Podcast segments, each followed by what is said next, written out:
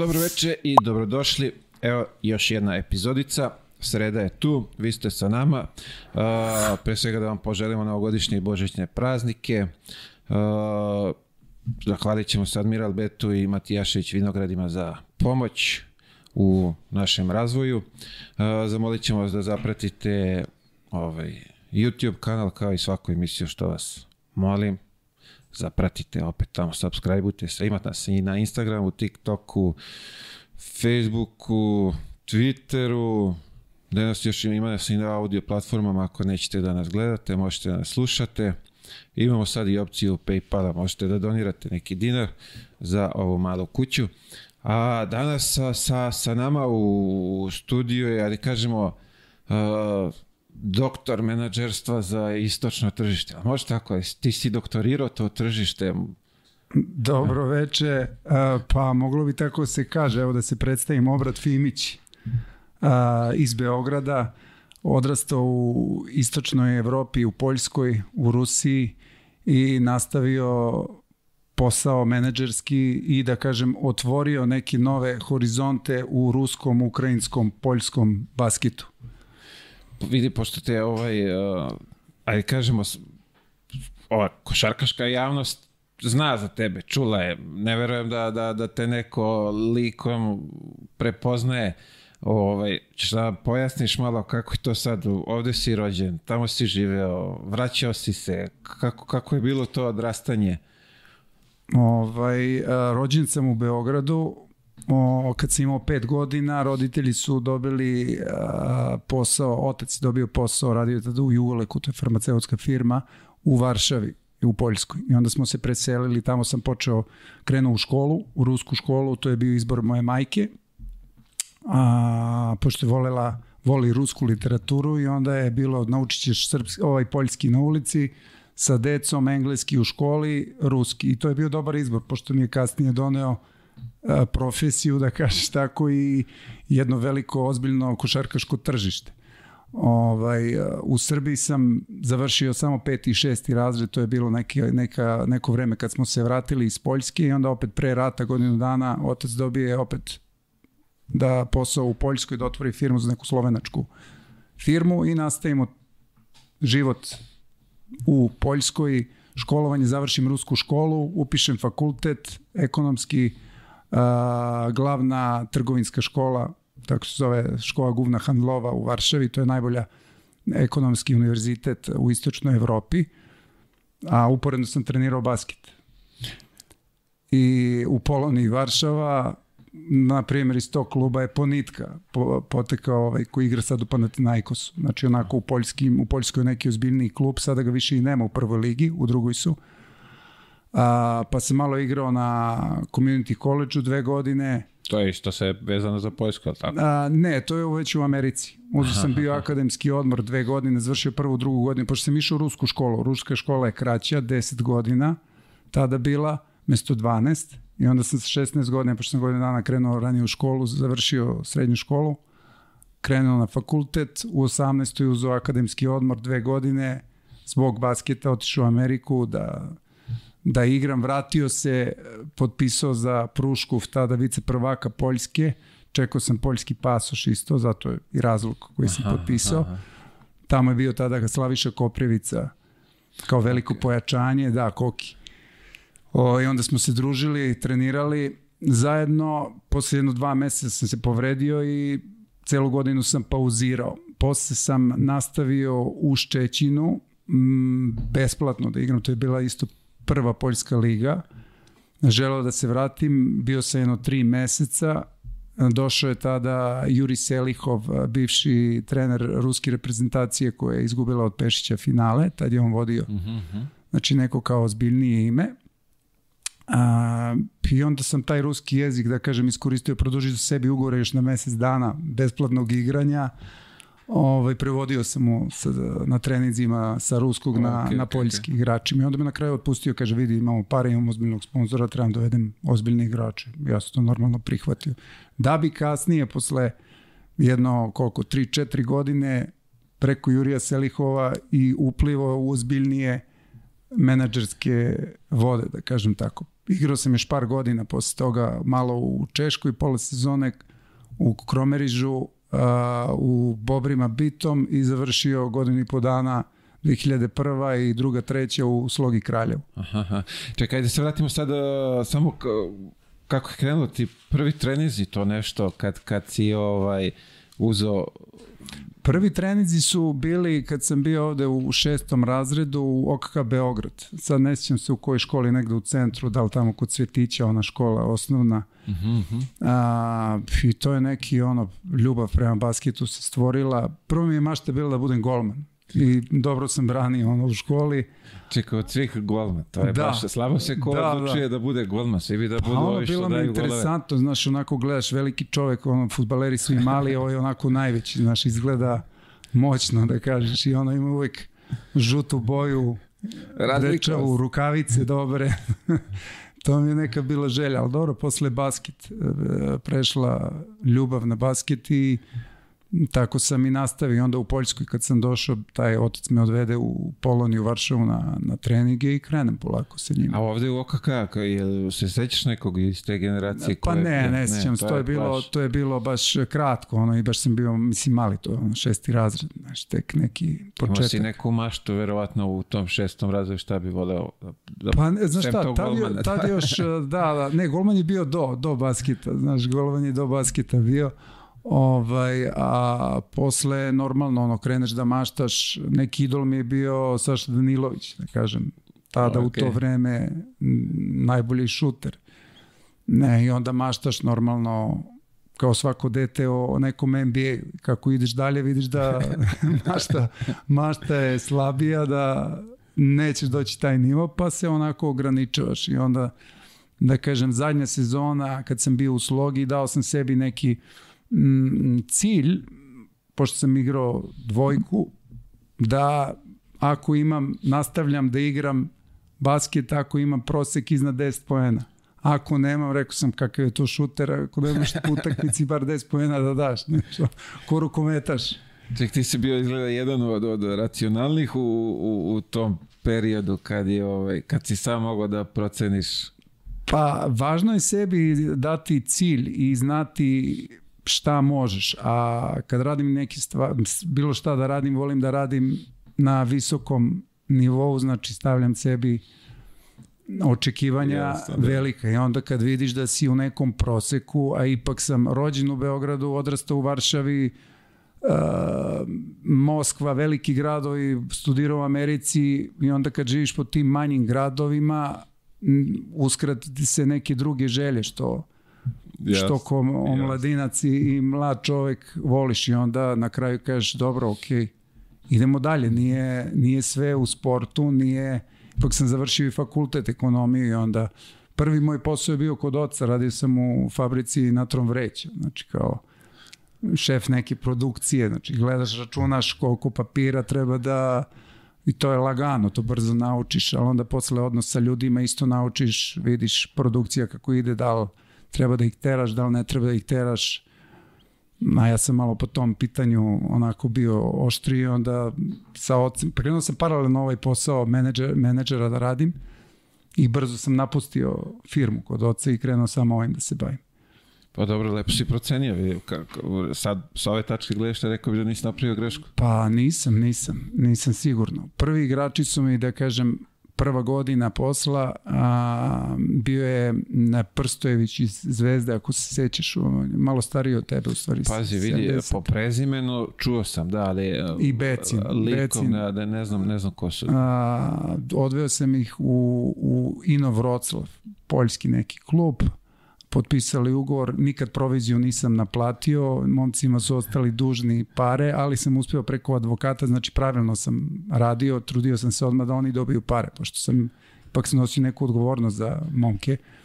A, preko advokata smo uspeli da izbuksujemo neke pare preko izvršitelja, nešto su naplatili, ne sjećam se tačno, nisu sve, ali bar nešto jesu. Ja taj prvi posao nisam ni dobio A dobro, viš, to je isto neka vrsta iskustva, kako se zove, da, da, da, da vidiš gde su greške, kako treba, kako ne treba. Pa to već kao igrač sam vidio, znaš, kao imaš neke menadžere, pa se bojiš da ih zovneš, razmišljaš, a u stvari menadžer je tu za tebe, ti potpisuješ ugovor sa njim da on radi za tebe, naravno, ne treba maltretiraš čovjeka, ali on je tu da ti da savet. Ipak, menadžer može ti da bolji savet nego što roditelj može. Roditelji su pristrasni, uvek je njihovo dete najbolje, a deca su, zna se, do 30. godine, do kraja karijere su, mi smo deca roditelja i onda tu uvek roditelji gledaju, kao što je meni otac govori, igraj dalje, igraj dalje. Ja kažem, vidi, idem nešto drugo da radim, nisam za ovo, jednostavno. A i nisu se kockice sklopile, da kažeš, po nekom horoskopu bio sam u nekoj zoni 7 godina kad bilo šta čime bi se bavio ne bi imao uspeha.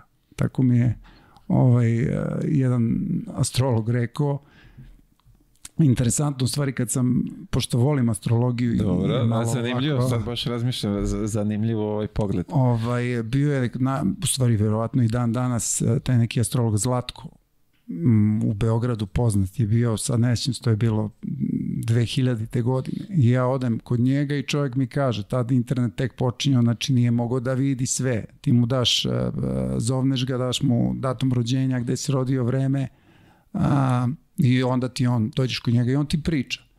I čovjek mi kaže, reći ti jednu stvar, um, možda neće da ti se svidi sada sa čime se baviš i on me pita čime se bavi. Ja kažem, pa košarkaš sam igram to. Aha, dobro, kaže. Pa kaže, za pola godine se nećeš više baviti time.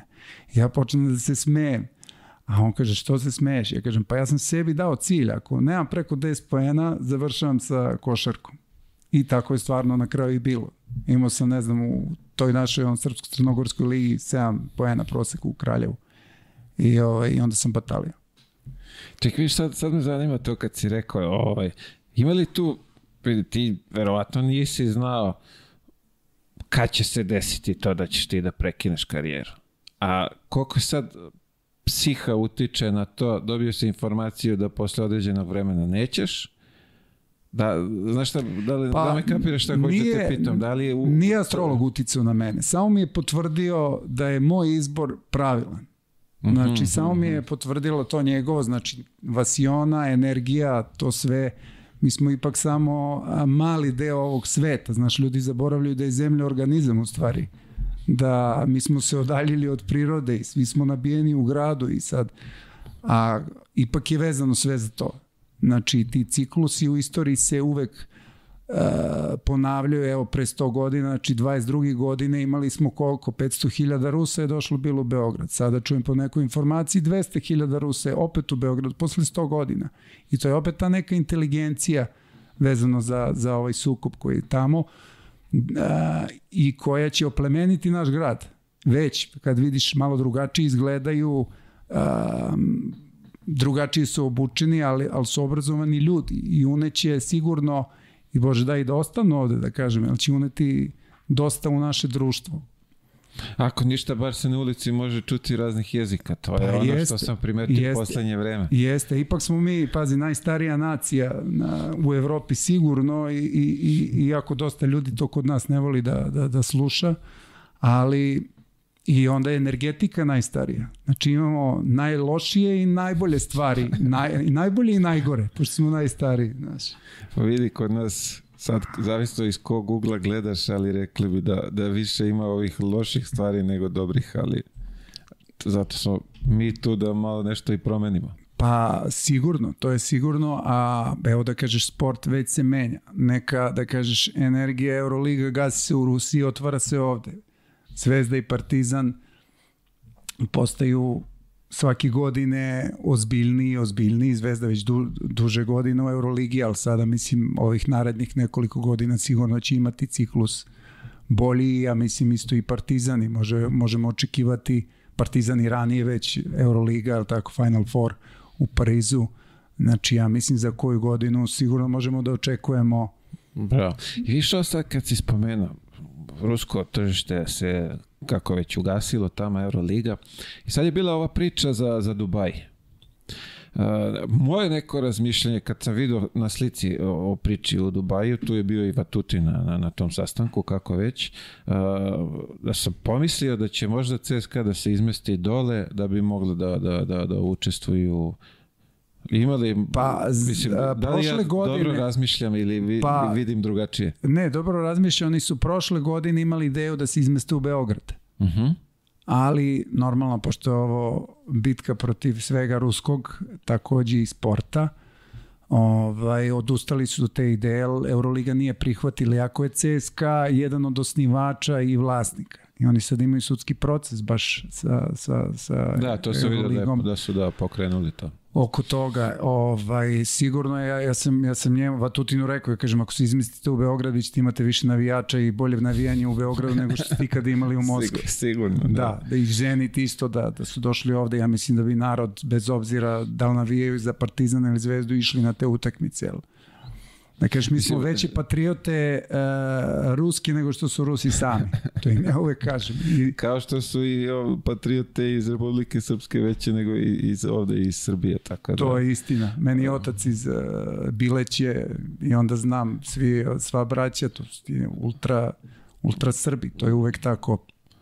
To je da, uvek da, da, tako. mislim, teško je to objasniti ljudima, ali mogli, neki možda, što ti kažeš, ne vole ni, ni da čuju to, ni, ni ovaj, da, da, ali tako je. Pa, to je istina, dobro, znaš kako u glavni grad je uvek ono nek, neka politička baza i, i ne treba zaboraviti da koliko pre 20-30 godina svi smo morali da budemo Jugosloveni. Znači najstarije ime istorijsko jednog naroda je bilo ugašeno. Jedno 70 godina. Prvo su Karadžorđević terali narod da budu Jugosloveni, ne Srbi. Da. A onda to, pošto isto kad sam odrastao, Hrvati su govorili mi smo Hrvati, a sjećam se u, u Jugo klubu 80. godina, ambasador i pita me on, ko si ti? Ja kažem, ja sam Hercegovac Srbin i meni ćale po crveni čovjek, znaš.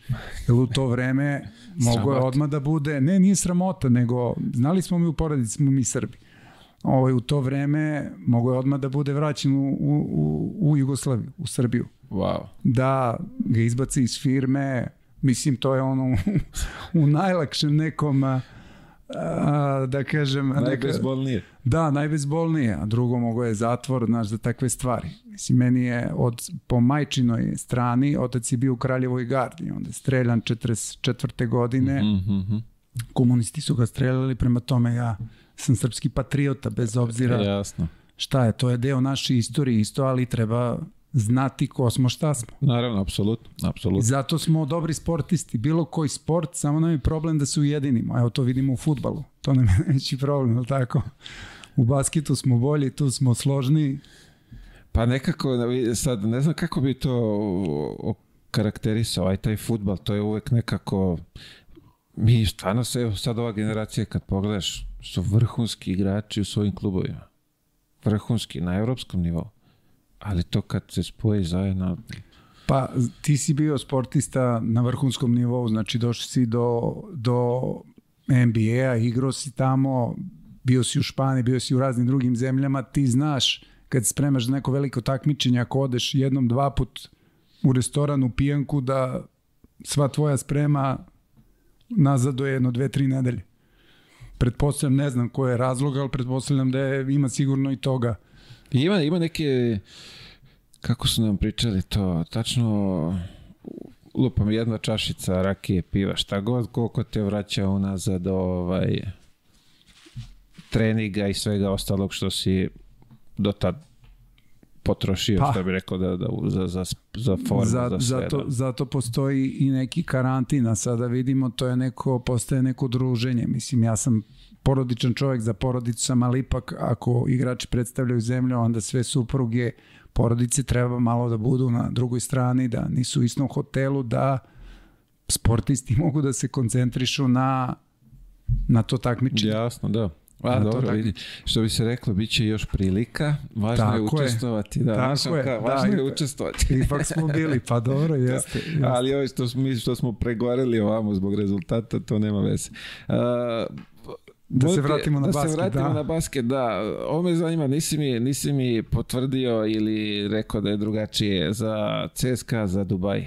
Da li ima tu neke... Nema, nema, Ne. nema, nema.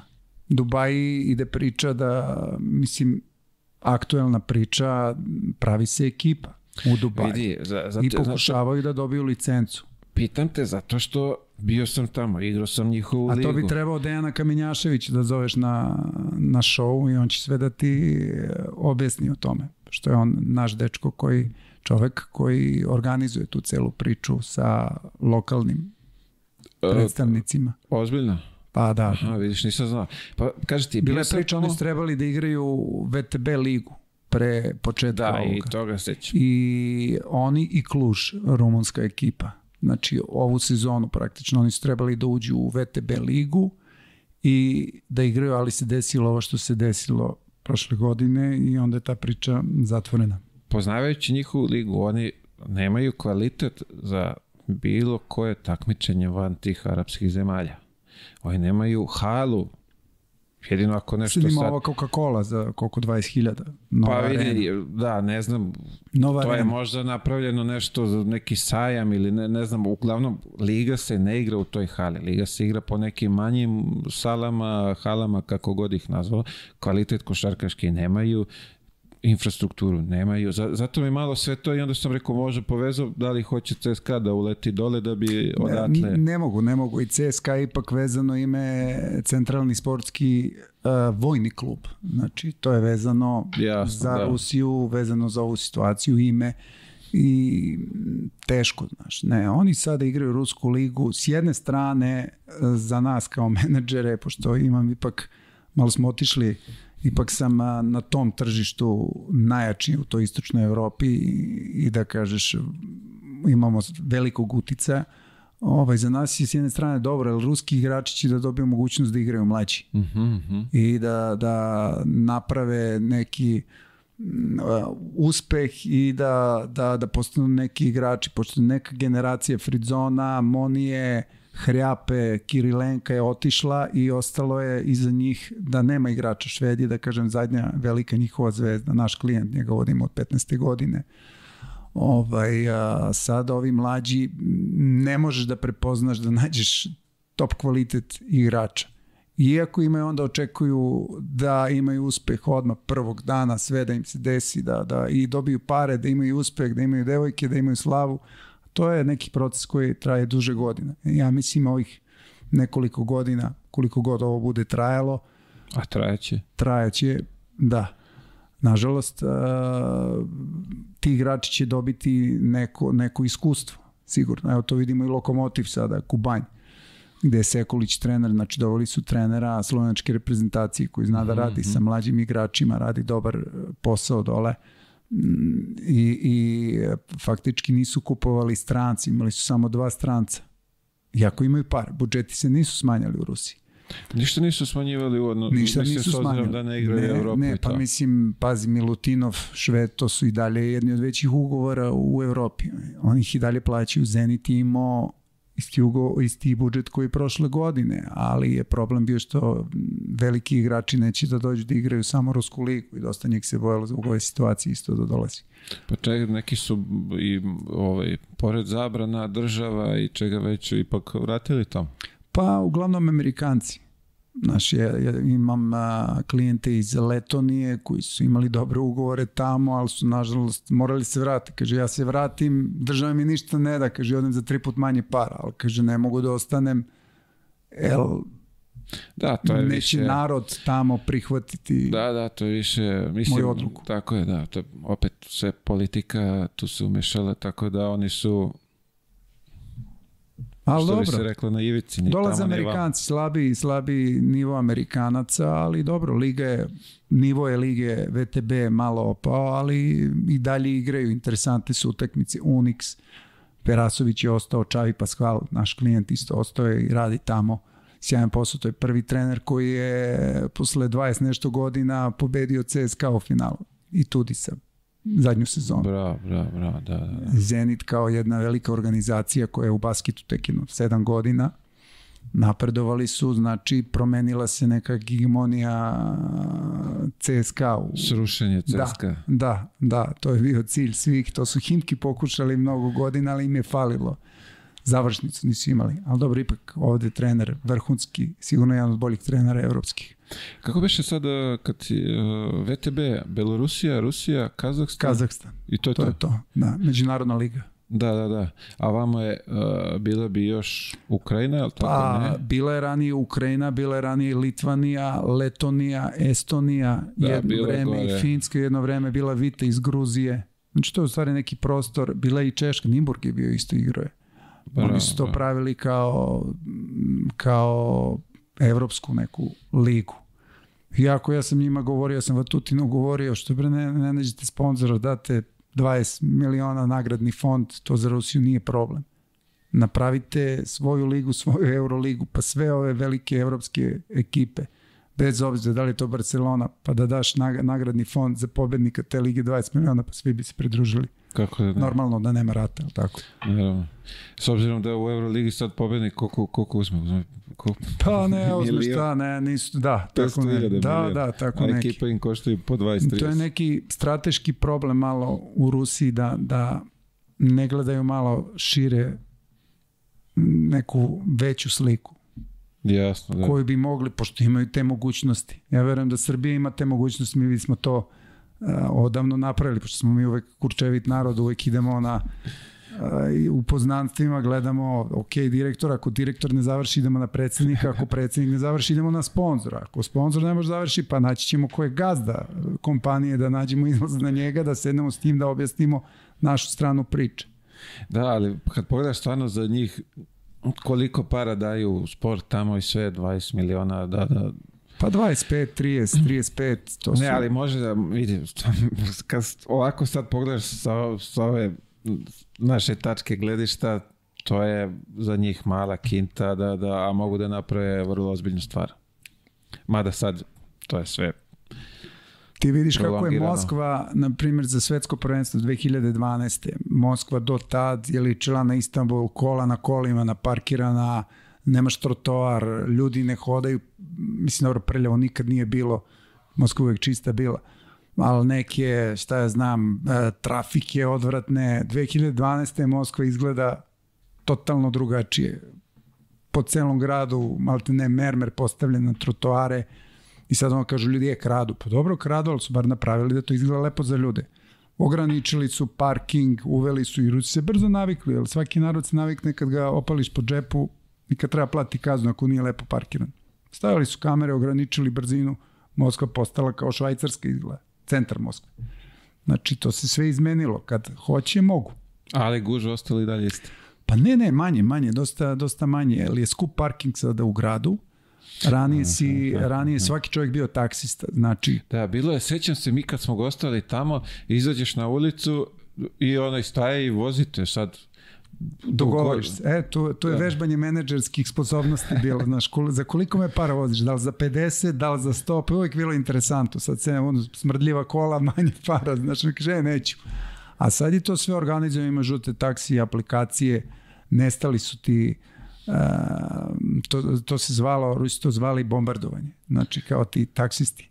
I onda je to bilo iz, iz svih ovih njihovih azijskih bivših eh, država, dođu, ne znaju nigde da idu i sad ti sedneš, voziš sada i sve to. I onda je uređeno i onda mnogo manje kola ima u centru grada i manji su guže. Bravo, Naravno, eto rešenja za Beograd za parking. Znači, samo pojačajte parking i Pa dobro, znaš šta, malo u. Beogradu kao prva, druga zona. Pa kakve veze ima? Prva zona digni cenu da može čovjek ceo dan da parkira. Pa neće svi parkirati ceo dan. Premda to je kod nas ovde najbolje regulisano. Ja mislim da ni u jednoj državi nemaš toliko kamera po centru, putevi su nam loši, ali, Ali parking, znaju servis, gde se parking servis nam radi fenomenalno. Znači ne može ono 15 sekundi i nositi Da, kola. da, evo ga ide. Ili ovi sad što snimaju, ili ovi što dižu. To je Da, da, imaš onda avanturu za ceo dan. havarija, havarija. Pogotovo mi ovde koji smo u zoni i dođemo na snimanje, mi s- ne ideš auto. E, to je pametno. Ali zato gosti imamo, imamo problem. Ovaj, ali dobro, rešit ćemo i to. Imamo ideje kako treba, pa ćemo rešiti. Uh, zanima me se ovaj tvoj prelazak u Poljsku kao klinca, ti ideš tamo s roditeljima. Uh, to društvo neko što si imao, mislim, mali si bio tad, jel tako? Da. Ali opet, kako si ti doživeo prelazak u drugu zemlju? Pa, znaš kako dođeš iz eh, države gde si imao crtaće na televiziji, dođeš u državu gde je crtač samo u 7 sati 1. i to da li onaj Lolek i Bolek ili, ili e, Nupagadio, ruski onaj e, Zec i, i Vuk. A, cela Varšava u to vreme, mislim, lep grad, ali bila siva. To je to neko vreme komunizma kod Koji njih. to godine, izvini? Na 84. godina. Wow. Ja sam 78. godište, e, 84. i onda ti gledaš te reforme koje prolaze, dolazi novo vreme, sećam se prvi put 86. otac nas odveo u u Berlin, zapadni, sad prolaziš po onom berlinskom zidu, krivudaš i dolaziš jedna granica, druga granica i ulaziš u Berlin gde su ono sva svetla, neoni, šta znam, ono izgleda kao kao da si ne, na, na Marsu, znaš, kao neka druga planeta. I onda ti uh, vidiš da ima razlike, da svako živi drugačije. I onda u toj ruskoj školi uh, bilo je plave pantalone, bela košulja, znači svi su isto morali da izgledaju, devojke su imale kao neke uh, suknje, brown suknje sa nekim belim pletenim napred, mislim to je sve lepo i to je izgledalo kao danas u ovim švajcarskim američkim školama Da, da, gde da, plaćaju ozbiljne pare ljudi da idu i tad je bilo obrazovanje odlično u ruskoj školi. Tad su oni i to je neki plus da smo imali. Ja Sjećam se ono dođeš sa našim Jugovićima, Srbima, Hrvatima, ne znam, koji su išli u američku školu gde ono ne uče ništa, ali su imali kompjutere, bazen i onda to ono gledao si na to kao wow, super. A u Poljskoj je bio ono sistem kartica, dobro, stranci su imali radnje gde su mogli da kupuju samo stranci, znači gde si mogu kupiš i banane i pomoranđe, ono sve što je bilo u Jugoslaviji, to oni nisu imali u, u Poljskoj, znaš, pa su imali na kartice, pa onda gledaš učiš se nekoj empatiji, što je danas je tako popularna tema, ali ti to već kao dete ukapiraš da ti ne možeš da pokazuješ neko bogatstvo, iako mi tad nismo bili bogati, ali za, tu, za Poljaki jesmo. Da, da budeš skroman i majka nam nikad nije davala da nosimo, na primjer, Nike i Adidas patike u rusku školu, nego smo nosili Valbži patike. dobro, okej, okay, mislim, možda je to dobro, pa, pa kad se vrati u peti, šesti razred, znaš, i onda ono dođeš na Karabur, gde si išao Jovan Popović i onda dođeš u Valbži patika i kaže, alo, jak se, sad ti gledaš, šta nije okej okay s tim patikama, razumeš? E onda ovaj, brat od tetke Milan Žarković je igrao tada odbojku u Partizanu i on kaže, taj tetka bre, dete treba da imaju patike, sad će se dono je Asics Tigers neke turneje gde su igrali u Grčkoj, duboki Asics Tiger i sad on u školi govori, jo, kakve tiki, a tad ih nije bilo. Da, da, da, e. da, da. I onda to vidiš, a Srbi uvek pate od toga da smo lepo obučeni, da, da lepo izgledamo. Pa to, te, teramo modu. Pa dobro, generalno smo, ovako kad putuješ, najlepši narod. Mislim, bar što se tiče muške strane, ipak, ok, rađaju nas srpkinja, ali muškarci nam dobro izgledaju, žene su malo previše, meni se čini malo pekara, e, ishrana je malo teža, pa su malo punije, mali, manje sporta. Tako je. Trebalo bi da se, da se malo i žene bace na sport kod nas. Ovaj, tamo ta tečija liga, igrao si košarku. Kako to izgledalo? Poljska liga. Tako je. Pa njihov, da kažeš, e, e, neki skok u Poljskoj ligi napravili su dosta naših košarkaši, baš e, Slaviša Koprivica, Aleksandar Trifunović, otac od Uroša, on je, on je bio u to vreme kad su bile i ozbiljne plate, e, to je vreme pre Bosmana, ako se sećaš, još tad nisu mogli naši igrači da igraju u Španiji, bilo je dva stranca, Jasno. onda je tu u Poljskoj bilo dva Amerikanca, pa još dva Bosman se tek pojavio, da li Srbin, da li Hrvat, da li Slovenac. I oni su ostavili veliki trag a, u, u, u, poljskoj košarci i poljska košarka je krenula, taj neki njihov uspeh 95, ako se ja sećam na evropskom prvenstvu. Imali su, ne znam, ušli su u top 8. I onda to kreće do 2000 tih i onda sve više Amerikanaca gde sada u toj ligi, sad im je pala liga, je dosta manji su budžeti. Čim uh, zemlja nema euro, predstavnika u Euroligi, košarka pada. Oni su dugo vreme imali Aseko Prokom, Tako je, da.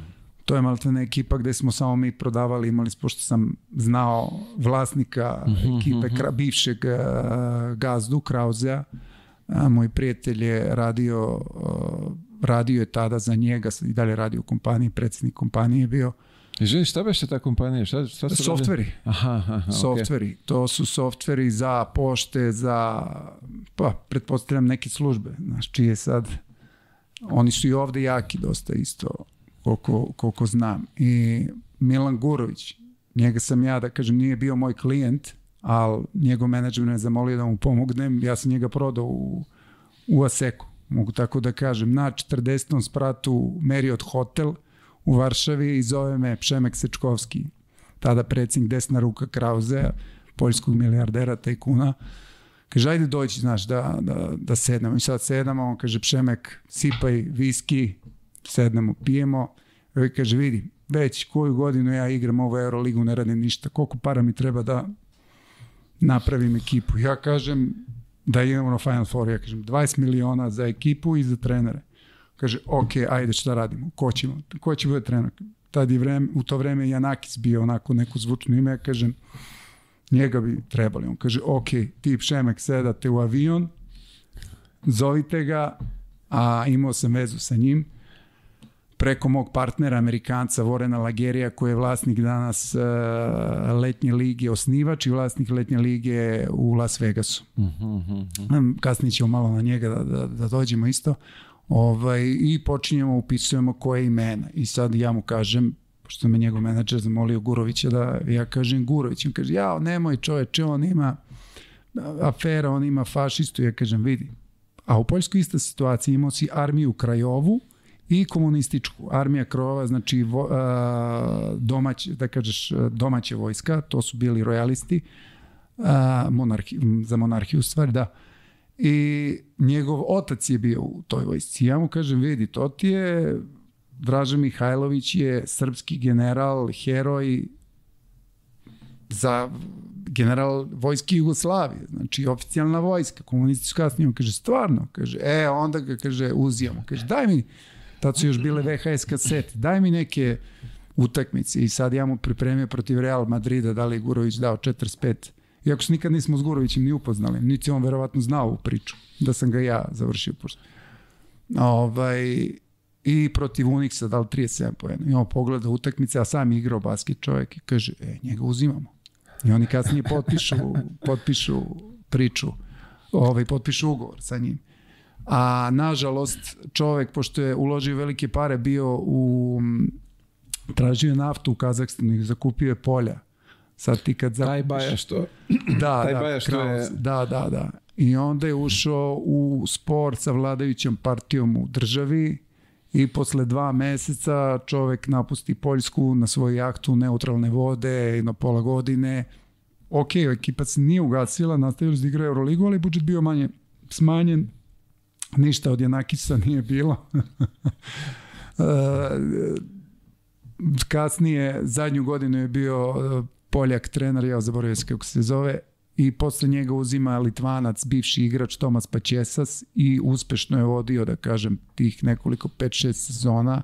Tada su igrali um, David Logan, još danas igra u, u Italiji, Daniel Ewing, bivši NBA igrači, uh, Woods, um, ako se sećaš, bio je sigurno jedan od najboljih trojko četvorki u, u Evropi, izbačen iz NBA za borbu pasa, organizovao ja, borbe pasa. To, da, da, da. da uh, Kontel, Kontel Woods.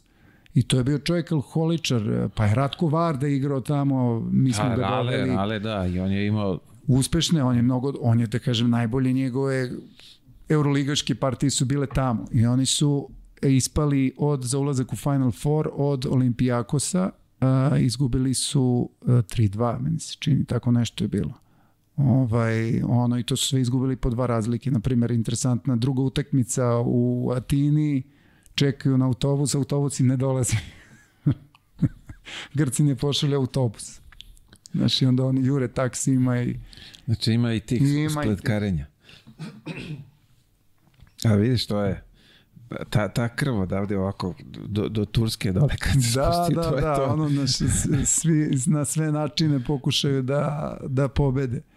I posle toga nestalo im je para i sad su na nekom minimalnom nivou. Si postoji klub i dalje, jel? Postoji klub i dalje. Imaju lepu halu na jedno 5-6 hiljada na dečko, bivši igrač vodi ekipu, mlađi, mlađi igrači imaju Da li ima taj Baja i dalje nameru da se E, vrati Ne, u taj basket? a, Krause, ono, dosta para izgubio, nije bio u zatvoru, pošto normalno nije u skladu sa vladajućom Da, da, da. ekipom, da. Logično. onda da, i firmu je prodao, firmu je prodao, a, vlasnik je Gural, on je bio a, i dalje je sponsor Resovije, a, Aseko, ja mislim da je Reso, da, Resovije Žešov, oni su skoro svaki drugi godin igraju Final Four u odbojci i njegov sport je odbojka. A ovaj Pšemek Sičkovski i dalje voli basket, bavi s time, ali nema velike financije. Sada daju koliko grad, da, da i sponsor toliko. Eto, to je neka Aha, aha. na, a, mislim, Poljska liga je pala kao i financijski i kvalitet. Nije toliko interesantna, mislim. Pa vidi, zavisno iz kog ugla gledaš. Ako gledaš iz tog ugla gde su... Iz tog ugla. Pa ja gledam iz tog ugla. Pa da, ali- Više volim da se... Jel isto vremena ti zauzme da prodaš igrača koji ima 3-4 miliona ili ovog od 5000, samo što je od 5000 zahtevniji. Jel nema, dođe u klub gde nema ničega, znaš. I onda sad tu su problemi, dva, tri meseca kašnjenja. To je problem celo tog istočnog, pa i u stvari i grčke i turske, problem kašnjenja, znaš, ti svi klubovi ljute se kad im igrač traži pare, znaš, oni ne mogu da zamisle da igrač možda ima porodicu, da može slučajno da uzme neki kredit, pa igrači su ljudi. I onda to objašnjavaš, ali dobro, to Amerikanci lepo vaspitavaju evropski klubove. 14 dana on okači patike, uzme iz, iz dvorane, čeka kući još 15 dana, ako nema, raskida ugovor doviđenja. I onda to Turci shvataju, Grci shvataju, bez ljudi. Čekaj, si zastupao takve igrače koje posle neko A, tih dve pa nedelje jesam, već... Jesam, jesam. A, Julian Wright, koji je igrao, kod Duška igrao u, u Panathinaikosu, a, igrao je u Turskoj u traznom sportu. 14. dan čovjek dolazi u slučionicu, ako nije plaćen, uzima sve svoje stvari i čeka kući još 14 dana. Kaže, ovo je za mene biznis. Kaže, nemam sentimenta nikakvog. Oni kao, ja, bit će pare sutra. On kaže, ok, kad budu Kuće su. sutra, javite mi, donesite mi potvrdu, kad vidim da su pare na računu, ja dolazim. I ovaj, Prosto? prosto. Hičo, i onda kao poštuju, ali znaš šta, Amerikanci uvijek i dobijaju posao, ipak svi vole Amerikance, očekuju, za publiku su interesantni, zakucavaju. Da, da, da, Znaš, atraktivni ono, su. da, atraktivni su to. I visoki igrači. Vidiš sad ovaj Tajvan, sad da si ti, da, da igraš, da si i dalje aktivan, imao Ovo ti je, da je otišao, kako se zove, Dwight, je li tako? Je li to Da, o tome? a- Ne, onda je ona na Filipinima, ne. Pa, na Tajvanu, to je, Tajvan. da, da je, da, uh, Howard, da, da, Da, to da, je da. dole i sad znaš kako kad ti lokalni njihovi menadžeri, oni ti šalju poruku, treba mi igrač preko 2.10. I onda ti nađi, kaže, e, ja bi ovog ima 2.20. I mu kažeš, pa nije taj nivo. On kaže, pa dobro, nema veze. Onda dođe ovde, on svideći se ovde ljudima. Pa to je to, da. Bitno je da... Da, da, su, da je publika, da je zadovoljna. Ipak ti je sport neko uh, smirivanje raje, da kažeš, u bilo kojoj zemlji. Da Tako je. dođu, da zaborave na svakodnevne probleme, da dovedu decu, da su u nekom programu, znaš. Imaju serije na televiziji, kad završi serija, onda odu na drugi program, znaš, mesto, na primjer, da odu u prirodu na dva sata, da se opuste, da malo gledaju drveće, da isključe telefon, idu u dalji program. I onda razmišljaju e, gde će Howard, šta radi Howard, a Howard ne razmišlja naravno o njima. Logično. da, da. To je... Zanimljivo, da, ali ta, jel, kod njih beše ili Filipini, oni imaju neku bre, ono, tačno po visini ligu, imaš, gde to beše? Filipini, Fili- to je tako? Filipini i Koreja isto. Koreja je bilo, dobro sad su to skinuli, Koreja je bilo 4 metra. Dva igrača moraju da imaju 4 metra. Ne Molim? više od 4 metra. Tako je bilo, dva stranca u Koreji. Znači ne može da bude niko preko 2 metra. Pa ne, Ili možda ovaj bude bude... 2,10, to mora da, bude dva- Da, 190. tako nešto, da, da, tako je bilo, znaš. Dva igrača 4 metra. Da, ono, štitili su ne, i svoj neki basket, da Pa, kažeš majko tako. Pa ali to su promenili sad. Pa ovaj iz Partizana, kako, je, kako se beše zove, ovaj dečko iz Oklahoma, četvorka, bre, igrao je pre 3-4 godine, on je u Koreji već duže godina. Pojma nema koje pričaš. A, sjetit ću se kasnije. Pa da, to posle, posle dođe. kasnije.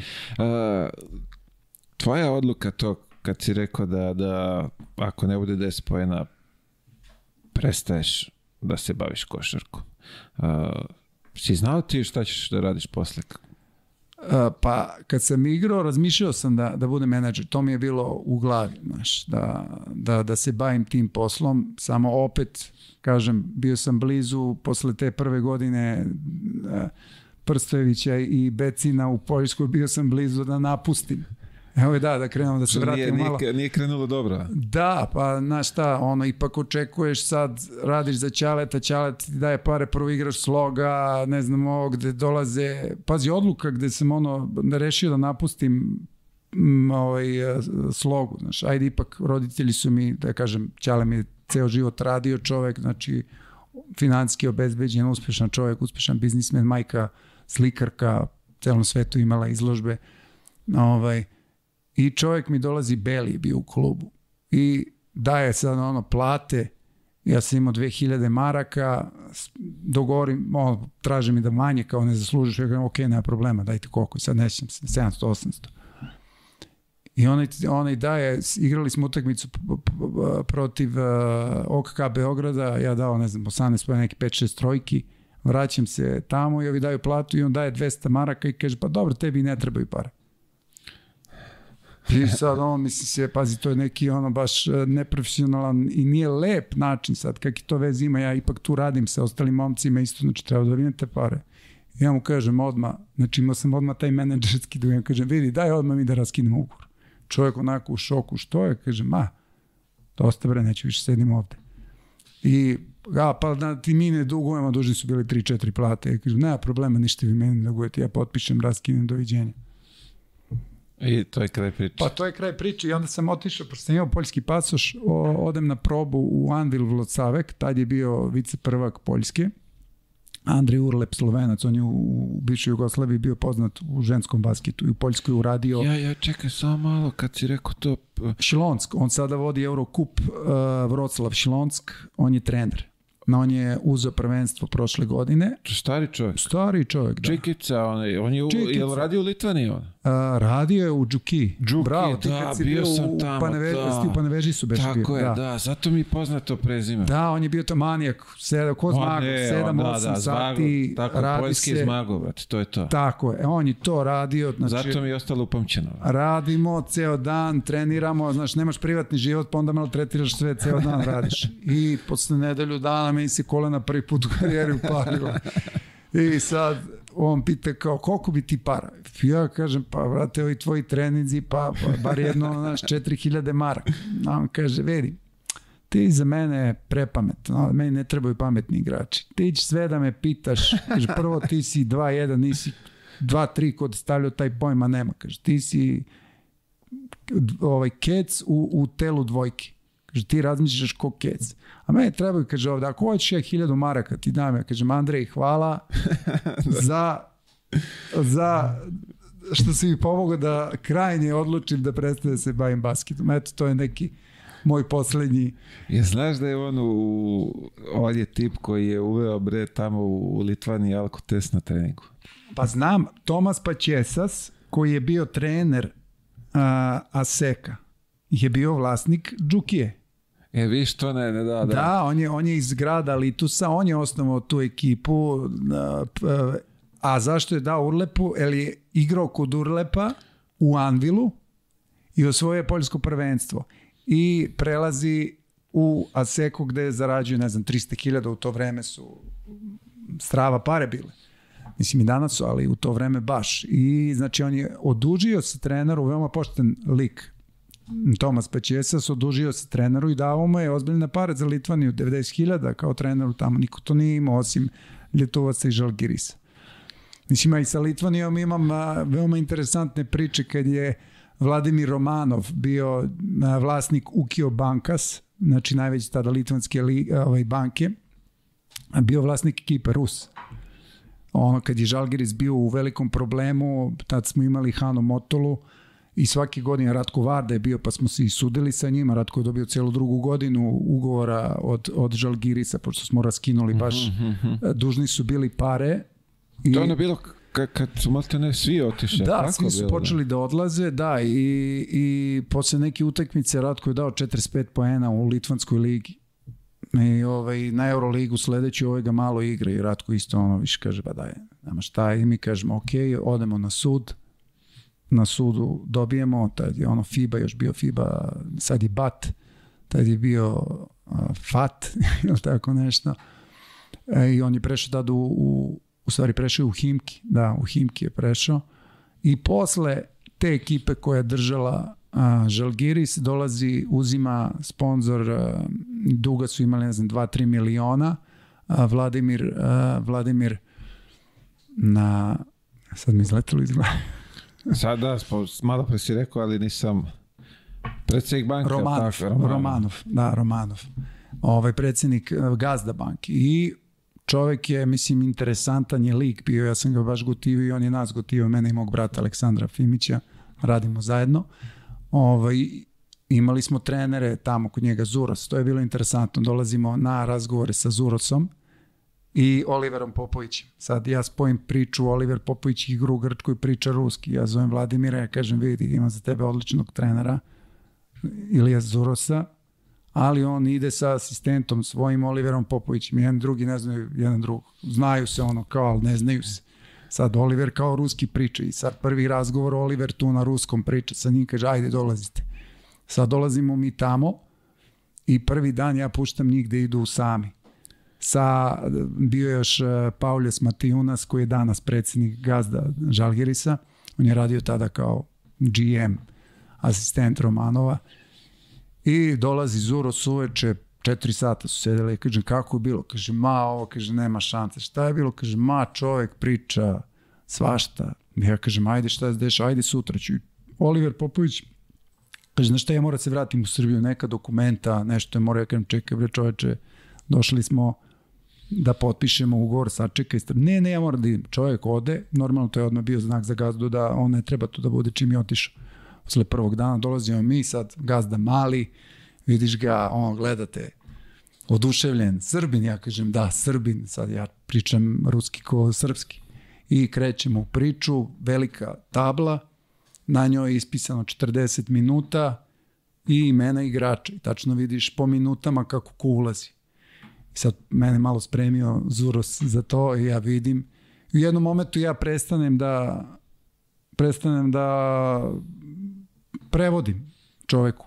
Pošto ono, vidim, Zuros se već pogubio, ovaj govori zvezdata, uticaj meseca, energije solarne, Šumanov rezonanca. Mislim, pazi, sve to ima, to danas, ja, ni ja tada to nisam shvatao, ali kada sad malo, znaš, čitam i učim te neke stvari, vidiš da tu ima njegova, u stvari njegova, šta je bio cilj njegove, da a, trener ne može da, igra, da bi igrač dao 100%, ne može da igra više od 27 minuta.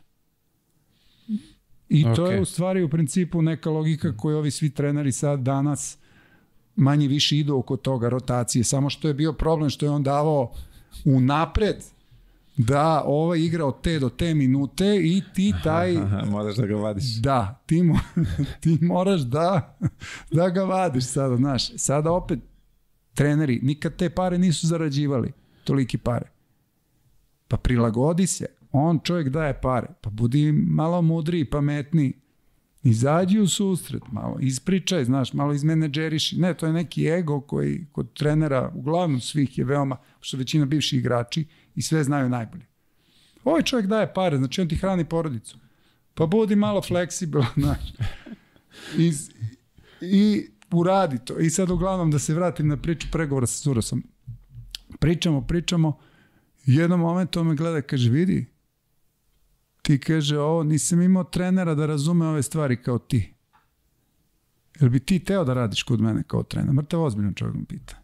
Kažem, pa koliko bi ti platio? On kaže, Čekaj, izvini, pita tebe. Romanov, ne, pita mene. Previše ne reaguje na Zurosa uopšte. Kao da nije na sastanku, razumeš, pričamo ja i on, razumeš, ja sad, ono, naš poluzezanje, kažem, trebao bi ovde malo ovo, malo, kaže, pa dobro, mogu minut da korigujem 30 sekundi.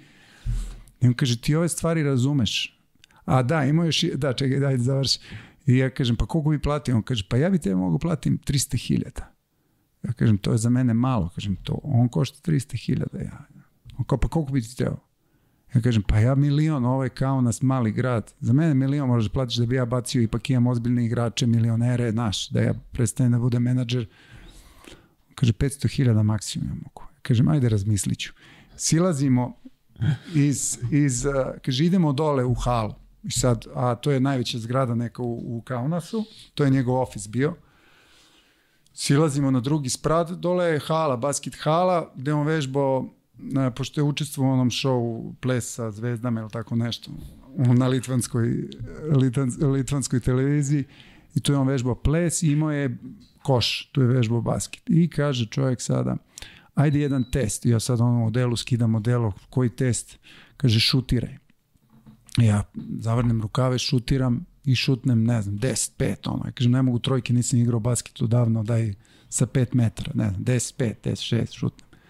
On kaže, dobro, kaže, ajde sad ostavi loptu, evo ti bokserske rukavice. A sad on kad završio malo, pa ideš malo čisto zbog forme, radiš malo boks, znaš. Znači, navikao sam na te vežbe. I ovaj, ajde udaraj. Ja sad on manji onako čovjek, udaraj jače. Ajde jače, ja sam već košuljam ovo, ja mokar skroz. Ne? On kaže, ok, bacaj rukavice, ajde sad gađi.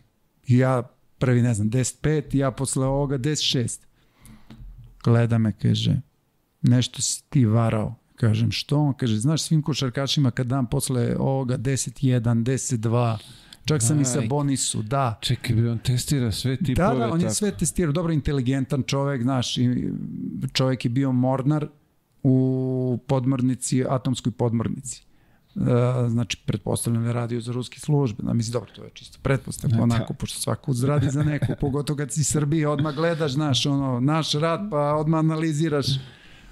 Uglavnom, on je bio nekoliko godina i tad je bilo, ono, ja sam morao na svaku utakmicu, posle njega smo doveli Pazi, tamo je rivalstvo između Ljutovaca Ritasa Tako i je. Žalgirisa veće nego Zvezda i Partizan. Veći su, da kažem, neprijatelji. Trifa, posle Aleksandar Trifunović, posle uh, Ljutovac Ritasa, biva, ne znam, pola godine bez, bez posla. A interesantno igrali su finale. I sad sedimo, pošto sa, sa Trifunovićem pre utakmice, sedimo, prič, ustojimo ispred hale, pričamo i ulazi gospođa, supruga Romanova i ja kažem, Trifon, nasmij se lepo, reci kako ste, i on na ruskom, dobar dan, znaš, i ona se nasmeje. I uveče mi pita, ko je ovaj muškarac? Ja kažem, pa to je Aleksandar Trifunović, Srbin, prijatelji smo. Aha.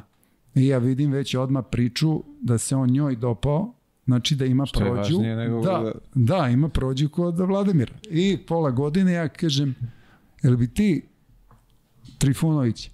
Kaže, pa radi u Ljetu Sricu. Ja kažem, pa što te briga, ti si bre Rus čoveče, baš ima svima šamar da opališ i ovima navijačima dovedeš ga i on odluči dovede Trifu. I Trifa je uzeo tada prvenstvo. Prvo prvenstvo, da kažeš, ozbiljna titula mu je bila sa Žalgirisom, znaš. Eto, to su neke priče sa njim, ali sam morao na svaku utakmicu, ali ako ja ne dođem, 70% će otpustiti trenera na posle Euroligaške utakmice. Pošto je imao GM-a koji je radio protiv ne Pauljusa, nekog drugog, zaboravio sam isto neki sportski direktor, na primjer protiv Zurosa, svaku utakmicu radio. A interesantno, imao je svog um, astrologa, Vladimir, koja mu je davala rezultate. I sad dva puta je bilo igrali su jednom protiv Fenerbahče i on meni, ja se nerviram, nešto Zurosu pokazujem, naš, pošto ono, preživljaš, doješ čovjeka sada, ono, da, da ga izbaci, treba da radiš raski, da, da pregovaraš. On kaže, nemoj da se brineš, pobeđujemo. I pokazuje mi poruku, uh, 64-68. Ja gledam šta on kaže, pobedit ćemo, 64-68. Završi se utakmica, on pobedi 72-76, razlikom 4 poena. Ali nije taj rezultat naš. Ali i dva puta mi Čekaj, se desilo... je već to... Nije neko astrolog. Ona je Maj. po zvezdama govorila, po, onda je imao neki, neku spravicu, to je neka kao bivša KGB sprava, koja je merila auru. Da, da. A, ubaciš ovako prste u tu mašinu i ovako izađe čovek, nacrta na aura oko njega, i stanje njegovo psihološko, a, fizičko. I sad imali su playmakera Kolince koji je bio alkoholičar. I sad svi igrači, kako je aura, znaš, onako plavo, žuto, zelene boje, onako oko igrača, kod ovoga je aura bila pored tela. I on kaže, evo vidiš kako vam, pošto je on alkoholičar, narkoman, kaže, kod njega je aura van tela. Ali, kaže, ja njega držim da on napravi neki incident, da se nešto dešava. Mi smo ga isto bili potpisali Čekaj, da moguće da, da lik tako da, funkcioniše bio i da... pa bio interesantan lik, pa šta je sve ovo, svaki predsjednik dođe, e, nismo dobili, dobili smo, e, otpustit ću ga, pa dobro, otpusti ga, neće se, neće, neće mi vanzemaljci da napadnu, pa mislim šta, razumeš?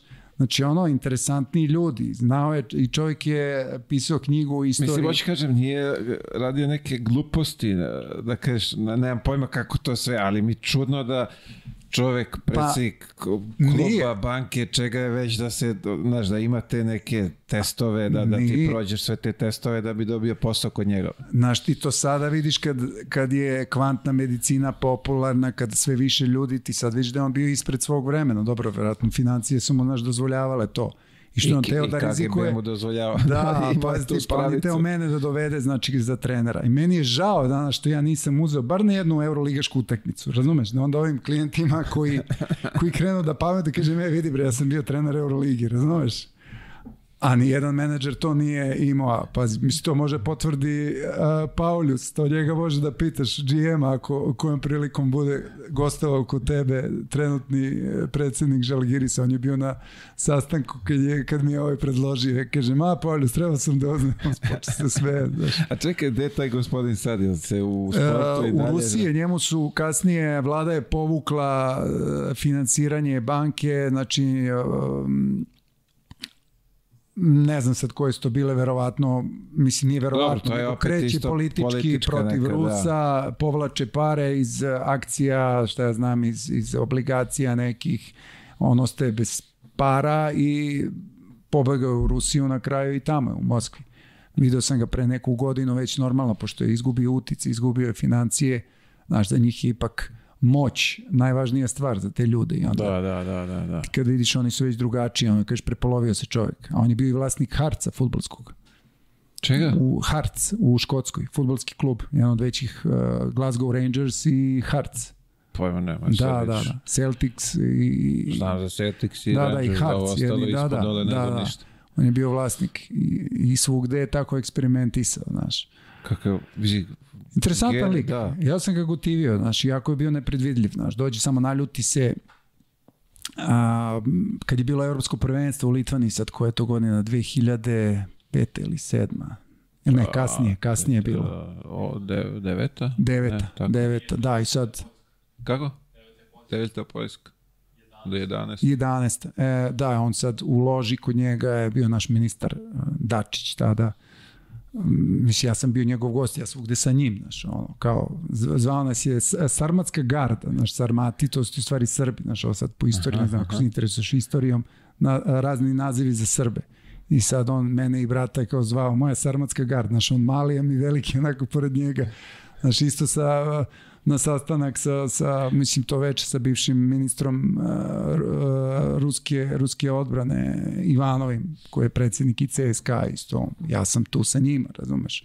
On me zove kao njegovog gosta. Prvi litvanski predsjednik, ja dolazim, upoznajem se. To su Da, da, da, dobro, ljudi. to je visoki, što bi se reklo, visoki krug Da, to društva. nema svaki menadžer, naš. Da, Mislim, visok baš da li na tvom podcastu ili negde na Instagramu jedan od naših menadžera se hvalio da može da pozove e, Vatutina u 12 uveče. E, nije, nije kod mene. A nije da, kod tebe, da, eto, znaš, nije. ako je to nešto, evo, ovo je malo veće od toga. I premda ja s Vatutinom često izađem da, da, na da. doručak večeru. Kako je zapravo pregovarati s tim ljudima? Mislim, oni, pa, oni imaju svu moć, sa, imaju sa tim... sav novac. Uh, šta, šta ti sad dođeš tamo njemu? Šta će, kako ti njemu da objasniš, da ga ubediš da nešto on treba da uzme kad on Pa pričamo on... na, prvo krenemo naš razgovor na druge teme, ne o košarci, da on vidi na kom si ti nivou, da nisi uh mhm, -huh, samo uh mhm. -huh. sportski radnik, da te ne interesuju samo pare. Mislim, normalno svakog interesuje, ali ti moraš da zainteresuješ njega, ne možeš samo lepo da izgledaš, da obučeš lepo odelo, da se nasmeješ, znači on mora da vidi u tebi sagovornika da bi uh, ti drugi put imao privilegiju prvo dobiješ njegov telefon i da sedneš sa njim. Da, da, da, da. da. I, a ipak odrastao sam prvo iz porodice sam obrazovane, imam obrazovanje, brat mi je lekar, znači koji, to ćemo da se vratimo kako, je, kako, kako sam i počeo, znaš, da radim ovo i onda na razne teme, a svi vole na te spiritualne stvari da pričaju, pogotovo bogatiji ljudi. I onda kad radiš sa kristalima, sa tarot, te stvari, onda možeš, ja sam radio jasku, ne znam da li si čuo to, za to je ovaj putovanje, da kažeš, u dubinu svoje duše, to je medicina iz Perua. Dobro. Da, u Latinskoj Americi sam to radio, znači popiješ um, popiješ uh, smesu iz uh, korena drveta i, i lišće lijane. To se napravi kao neka čorba, nedelju dana je kuvaju od drveta kome su njihovi šamani, u stvari vračevi ili njihovi lekari se molili i onda prvi put kad sam radio, to je tako duboko putovanje bilo da ti vidiš da, da nismo sami na ovom svetu. Jer možeš malo sad, živo me zanima to, kako to izgleda, kako, kako pa, ti to, ne, malo da mi približiš taj proces toga. A, moj drugar Ivan Novčić, a, bivši košarkaš Zvezde, možda ga iz grada sigurno znaš, sada je trenutno zaposlio sam kao generalnog menadžera u Lokomotiv Kubanj. Uh -huh. Radio 10 godina u financijama u Londonu, u, u, u Švajcarskoj, voli basket i uh, gazdi, gazdi lokomotiva, našli smo se sastanak, objasno, svideli su jedan drugome, prihvatio ga da, da, da radi kod njega. Ivan me zvao, kaže, ja sam to radio u Peru, znaš, i kaže, ma, neću se drogiram, nikad se nisam, on kaže, ma, nije to droga, znaš, to je, i objašnjam. I jedno kaže, znaš šta, ajde, ako budeš hteo, ja u jednom momentu, kaže, me, zanima me da vidim uh, smrt mog dede. Znači, ovo što sam ti pričao, koji je bio u Kraljevoj gardi, uh mhm. U srpskim sokolima, znači bio je sportista, to je bilo celo društvo od, od Jugoslavije do Poljske, do Češka, Poljska, vojnici, sportisti. Ovaj, I ja dobijem takve informacije, znači odjednom to popiješ i sad ono razmišljaš, razmišljaš kao šta je ovo, sad gledaš ono razne ljude, gledaš neko obrazovan, neko siromašan, neko, znaš, ono, konobar, šta ja znam, razne, ali ne osuđuješ ljude. Znači, ono, ne zaboraviš na ego. I jedno 40 minuta tišina, popiju svi to, onaj šaman a, otvori ceremoniju. A, posle 40 minuta počinje da svira na instrumentima, na frulicama i odjednom samo osetiš vibraciju. Počinje geometrija, to se zove geometrija, počne da se otvaraju plavo, zeleno, ti zatvoriš oči i ulaziš u neki svet bajki. I sad ja to sebi, znaš, pokušavam racionalno da objasnim a, šta se dešava. Znaš, sad ja gledam ono, neka geometrija, kažem, aha, to je to, a nisam puno čitao o tome. Odjednom a, neki kao lusteri, neki patuljak sa cilindrom na glavi, ja sebi kažem, a to je fabrika čokolade, onaj film, znaš, bup, on nestane. Dalje, odjednom kao u nekom Matrixu, crno, belo, sve, neke mehaničke ruke, ja ležim, vidim sebe kako ležim, znaš. I odjedno vidim ogromnu anakondu, fluorescentno, eto kao tvoja trenerka, znaš, onako žuto, zelenkasta, ogromna glava, prilazi mi ovako i počinje naš jezikom. Ja se nasmejem. A oni tu medicinu zovu ayahuasca, majka, baba ili anakonda. To sam te kasnije, znaš, pročitao, saznao. I to je bilo u stvari to neko kao dobrodošlica. I u tom momentu to nestaje ja vidim ženu, mladu ženu, 26 godina, na polju gde je odrasla moja majka, na imanju pored Vrnjačke banje u Novom selu. I onako, znači, kao iz kamere ulazim u ženu i osetim bol, sav bol koji je ona osetila tog dana kad su joj rekli da su njenog supruga streljali. Znači, to je ono, znači, neverovatno. Wow. I onda sve emocije, pa onda prođem kroz ceo život majke, pošto ta deca koja su bila, da kažeš, od četnika, kako to danas da, ljudi da, zovu, da. oni su imali teže detinjstvo, tako? Onda uđem do momenta kad su dedu streljali, gde su ga streljali, a nisam znao te detalje, tek mi kasnije majka ispriča. A moja majka je, da kažeš, konektovana sa prirodom i kad je bila mala udario je grom, znači imala je tu neku kliničku smrt. I završava se ta ceremonija, da skratim priču oko toga, znaš, pošto može... Koliko traje, koliko traje to? To traje negde od 9 uveče do negde pola, pola 4, tako 3. Wow. Da, baš, to je onako duboko, baš neverovatna stvar. I Uh, ja izlazim iz toga i sad držim neki papir, pošto je ono, plakao sam celu noć, znači bilo je čišćenje, pošto ti kad plačeš, to ti je čišćenje jetre, znači. I ja sad držim taj neki papir i jednom pogledam, vidim nije papir, nego vidim da je zlato. Jako gromen zlato, onako neka žuta kugla, zapalila si je, bacim. Ja dolazim sutra u Beo, ovaj, ne sutra, za koji, kad sam se vratio iz, iz Amerike, iz Latinske Amerike, dolazim u Beograd, sedam s kijama, ona kaže to, a ja napisao poruku, kevo, znam šta si, mama, znam šta si prošla u životu, volim te, mislim, ono, podrazumova se voliš roditelja, Da, da, da, da. prvi put napisao, volim te. I kad sam se vratio, ona kaže, znaš, ja tebe, sanjala sam ti to veče, da ti sediš i tačno mi opisuje prostoriju gde smo mi sedeli u toj kolebi nekoj, a, šta sam radio, kaže ti držiš u ruci zlato, nije zlato, žuta kugla, zapalila sam, rekla sine daj da se lišim toga, to je loša energija, ti si rekao ne mama, ja ću ovo sam i bacio si. I onda vidiš da to nije, vidiš da je to neka magija, znaš. Ne lako na hiljadu kilometara smo mi, na više u stvari od Da, da, da, kilometara, da, više sigurno, da. osetili, ušli smo u taj neki astralni svet. E. I onda, U suštini svi smo mi povezani na, na pa da, samo što ne razumemo. Da, eto, na primjer, gazda Himkija, koji je do, do, sko- do, do nedavni ovaj, gazda Himkija, a, Valeri Kazikajev, koji je prvi čovek od Usmanova, najbogatijeg eh, ruskog oligarha, u stvari uzbekistanskog, ali je u Rusiji, napravio sve svoje pare. On je isto bio zainteresovan za te stvari, nije radio jasku i onda, znaš, nađeš teme sa ljudima koje pričaš, a koji nemaju drugi ljudi, znaš, nemaju Tako je, niti su tako da. doživeli, niti su videli. To je ta neka prednost, ne kažeš. I onda ovaj pregovori o sportu dolaze na Pa kraju dođu ka na kraj, nešto, dođu ono, na kraj, da. Da, i onda taj, znaš, taj š- švedov ugovor koji je bio najveći mislim dobro, nije zbog toga, on je kvalitetom bio jak, ali sam iskoristio tu jer su ga, telo ga je dosta ekipa i Himki su platili ogromne pare, on je imao u jednom momentu 4 miliona ugovor. To je bio najveći ugovor u Evropi sve do dolaska Mitrovića u Barcelonu, koji čuo sam da imao 4,5. Wow.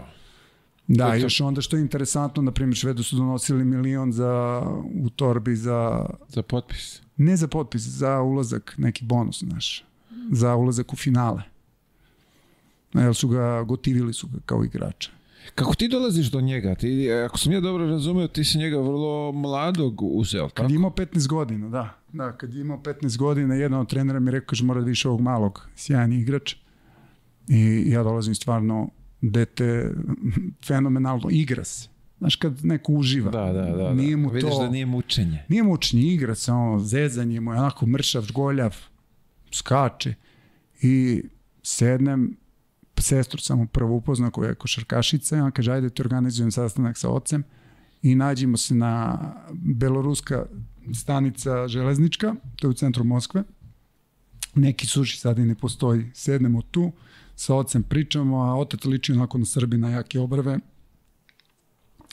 Sa, sa Burazerom smo bili i on kaže, zainteresuo sam da radimo zajedno. I mi potpišemo ugovor. Znaš, tad je Mesina bio trener u CSKA Mhm. I sad normalno iz Kurtuazije, ja ga zovem i kažem, znate šta, a to je vreme kad su Rusi, to je znači koja je godina, 2005. 6.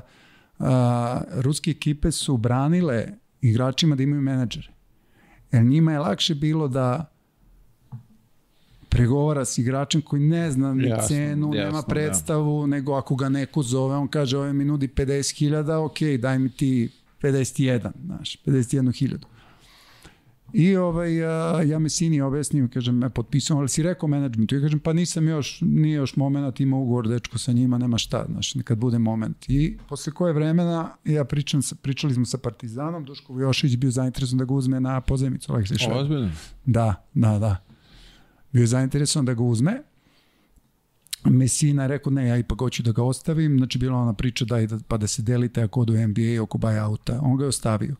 I odmah posle toga a, bila je neka situacija, tad je bilo puno para u Rusiji, to, tad su bili neviđeni ugovori, tad je Dinamo imao, tad smo mi potpisali Janera Parga 3,5 miliona dolara, a, Bokijan Akbara, on je radio s tvojim bivšim menadžerom, Tako je, da, pa da, mi da. smo završili taj posao za njega u Dinamu, 3 miliona eura, to su bile neke lude pare koje momci nisu zarađivali ni NBA-u toliko, pošto to je ono net. Tako je, tako je, tako je, bravo. Pa baš zbog toga je Bra, Bok, bra, ja mislim, i Lavrinović, došao je, za. Lavrinović isto 2,5 miliona, to su pare gde niko u Evropi, to Španija nije imala, nije imala Turska. Znaš, tad je Rusija prva krenula s tim ciframa, sad Turci to imaju 3 miliona, 3 300, ali opet niko nema što su ovi, što su ovi imali, znaš.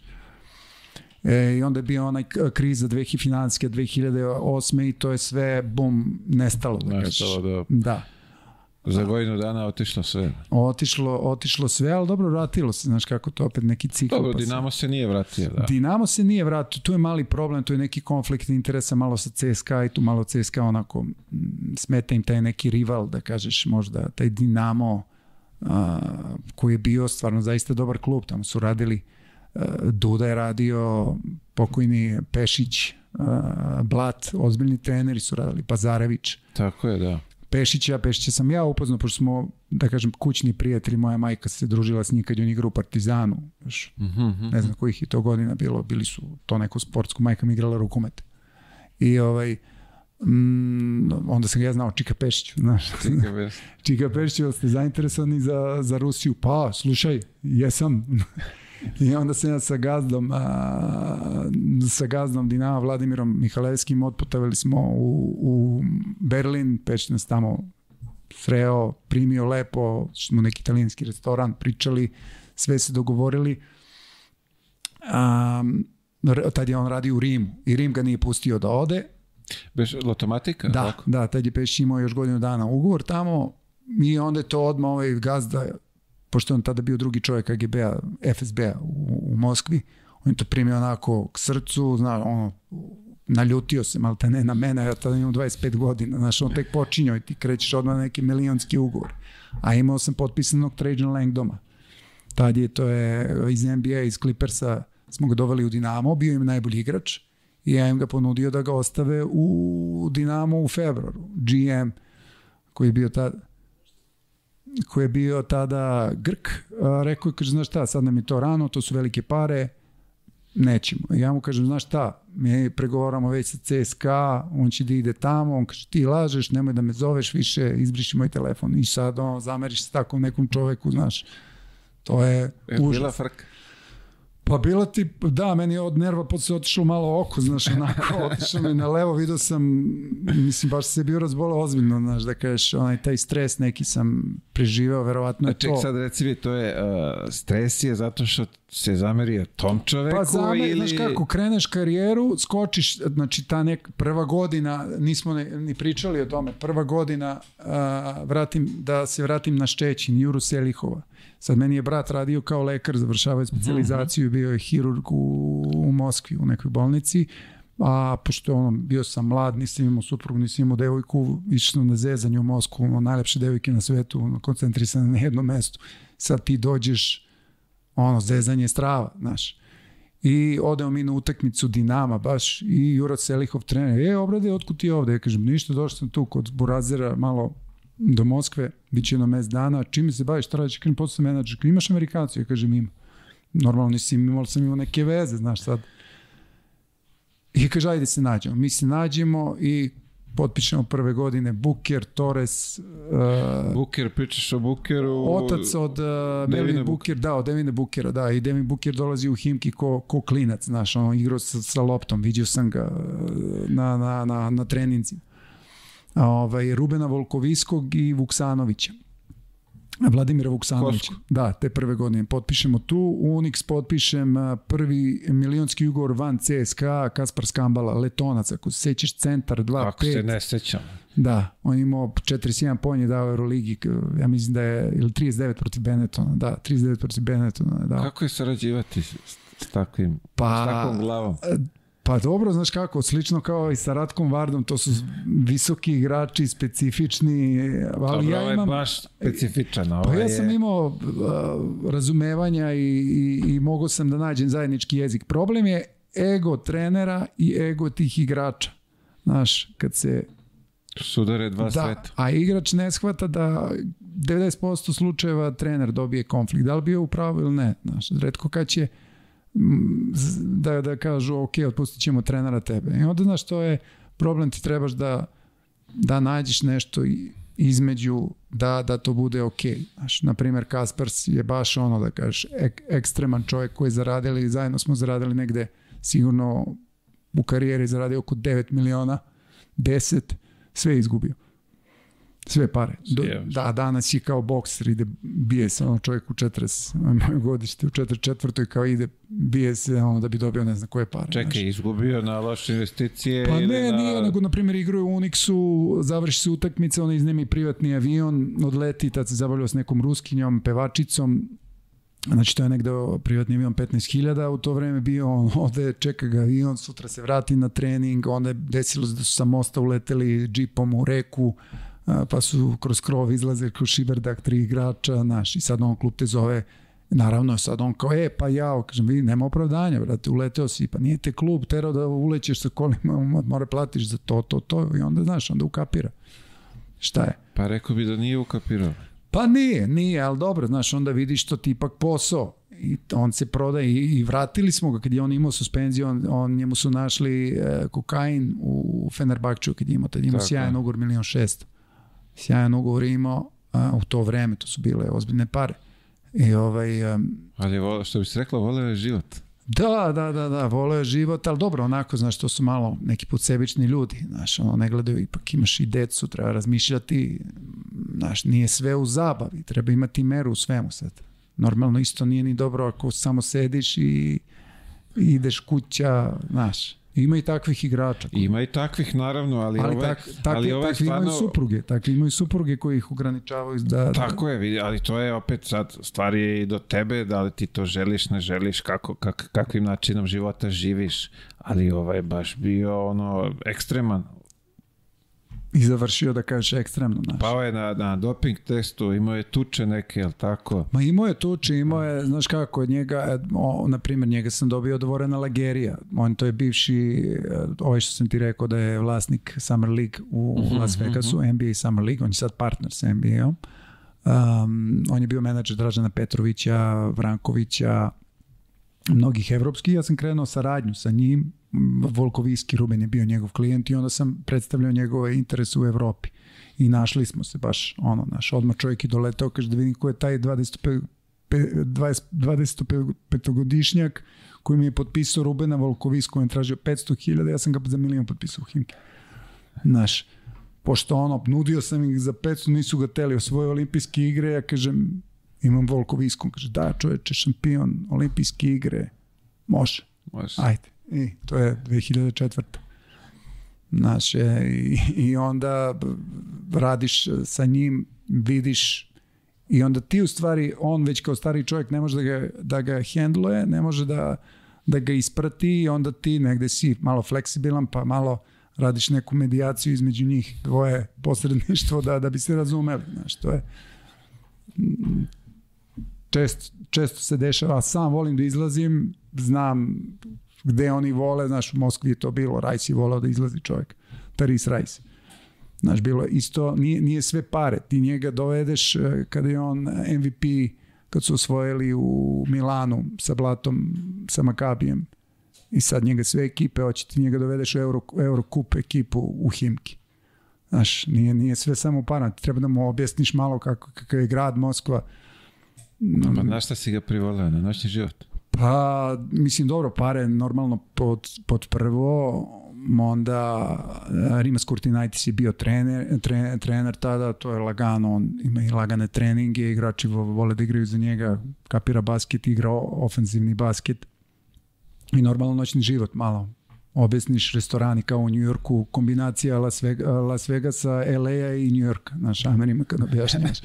to je kad dođu, kombinacija. Da, i oni kad dođu, znaš, stvarno se oduševe i ne, to niko, pazi, niko ne vodi takvog računa o igračima kao što u Španiji ti dođeš u ove velike klubove, evo ti pare, ili nađi stan, nađi kola koje hoćeš da voziš, ne, mi ništa ne plaćamo u Rusiji, dobiješ šofera, dobiješ kola, limit na stan, limit na, znači ono, mal te ne, još svog butlera da dobiješ da ti otvara vrata. Znaš. Premda sam i to za, za dosta Amerikanaca a, kuvare sam uvek nalazio da, da ne moraju da razmišljaju pošto ipak malo, što kažeš, transport, distance, ne onda družim se jednim italijanom, kuvarom, Marko je Keta i onda mi on, da kažeš, pravio a, marketing, management za kuvare. Aha, pa Jedno dobro. vreme e. smo imali šest kuvara koji smo davali igračima, znaš, u Moskvi. Pa vidi, to je sve, ajde, kažemo, plus za agenciju, ako može to sve da, da Pa jest. ishendluje, da obezbedi Pa jest. igračima, onda je... Znaš kako ja znam kad oni izađu negde prvo u Moskvi, ne može svako dobije sto u diskoteci, u restoranu.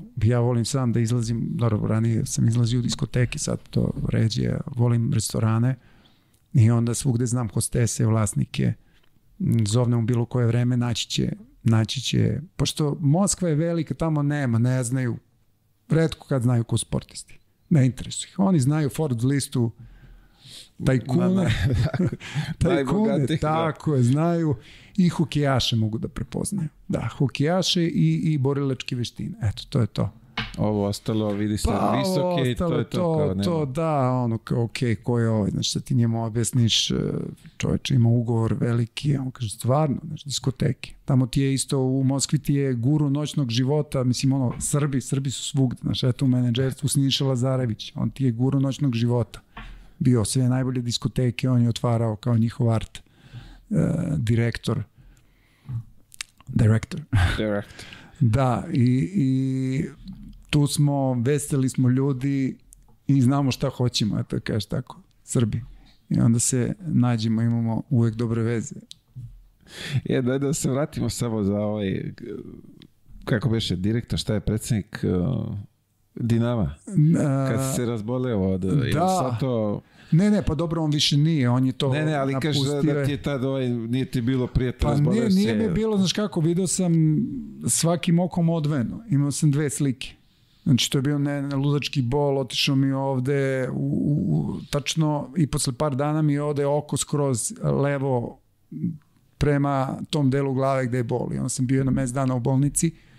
A to od stresa, od, šta, šta je to? Stres, Strah od, stres. od I, na primjer, poziva tad ili... sam bio u Poljskoj, pa ne, onda cela ta situacija, znaš, kreneš ono, nadaš se i onda, onda naučiš da, da je, mora da ima neki filter, da, znaš, to je na početku, pa te neki igrač zezne, znaš kako ide s igračima, pogotovo s našim. E, daj, nađi mi, ti mu nađeš, a onda on ispostavi se, e, tu mi je menadžer, pa čekaj, druže, ok, ili reci menadžeru, platit ću te ja iz svog džepa, ali znaš, onda ono, malo ljudi gleda da, da treba da budeš korektan, da, da, Trebaš da budeš poslovan. da, da je energija, znaš kako, to se vrati, ti negde zezneš nekog, zajebeš, to ti se vrati.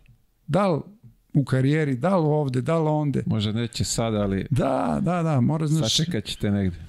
I ovo, bilo je onako gadno, onda sam radio neku arteriografiju, nabili mi kameru, znaš, kroz, kroz leđa do mozga i onda kad su izvadili tu kameru, nestao mi je taj bol. I onda mi je oko, a Burazer mi je tad bio u Moskvi još, pošto je tad e, završio, mislim, nije više, kad smo potpisali ovo igrače, on je rekao daj bre, Da, kakav Ne treba mi doktor, ško- ško- da, mislim, sam se školovao. ne, pa onda šta je, 11 godina je fakultet radio 5 godina na mikrohirurgiji završio već specijalizaciju i onda kaže daj da radimo zajedno ja kažem pa da, rođeni brat 3 godine stariji logično. Pa da, ajmo zajedno, znaš, još je on znao, on voleo da izlazi, sve živo je znao u gradu, njega zvali doktor, znaš, i on su ljudi mislili da je on kao doktor, doktor Knight, znaš, ono izlaže i kaže, kaže, pa ja sam doktor. Kaže, stvarno, kao, mi mislili kao, zovu te doktor, pošto si na svakoj žurci. A dobro, viš, ali uh, prednost tih tvojih pregovora i svega toga je poznavanje i tih jezika, je tako? Pa da, da, u to vreme, to su ipak stariji ljudi, svi ono mogli, očevi ili dede da ti budu iz komunizma i za njih, pošto smo mi kao Jugović, u stvari Srbi, oni nas vole, pošto ipak ako se vratiš istorijski, mi imamo isti kalendar 7530 godina i Rusi imaju isti taj kalendar kao i mi, iako ga isto još manje spominju nego mi ovde, znači mi smo povezani. Rasi, Sorabi, Jasno, da, Srbi, da, da. naš Sibir, Sibir naziv ti je od Srba. To je to ti je sve, to mislim pokojni pokojni um, Deretić, naš najbolji istoričar, sada imaš Srbija Global, ovi momci ko voli malo istoriju, eto, na YouTube-u, pošto danas ljudi ne vole da čitaju, znači mogu sve da gledaju. Srbija Global, veoma lepo to objašnjavaju. Tejan Lučić, pisac. To sve, znaš, mi imamo dosta obrazovanih ljudi i znamo, ali nekako to ne dozvoljavaju. Mislim, to je istorija uh, Milojević, prva beogradska, osnivač prve beogradske gimnazije, on je to pisao, to je prava srpska istorija. Znači, nismo mi narod koji smo došli ovde iz šestog veka. Bila je neka uh, studija američka koji su narodi uh, kurčeviti. Najviše su Srbi, Amerikanci i uh, Jevreji. I to je stvarno tako. Studije ti kad koje vidiš, najviše Da, kurčevi. da, da, imaš, da, imaš to. Onako i to stvarno vidiš Srbi gde su, odmah ih prepoznaš, dobro, lepo izgleda, izgledamo i glasni smo uvek. Znači, to je neko samouverenje. Znači, nije to ne kultura, da kažeš. Srbi su kulturni kad, kad, kad su preko, to je malo ovde Znaju se, ovde se malo naš izgubimo Preko znaju da se ponašaju. Tako je, tako je, tako je.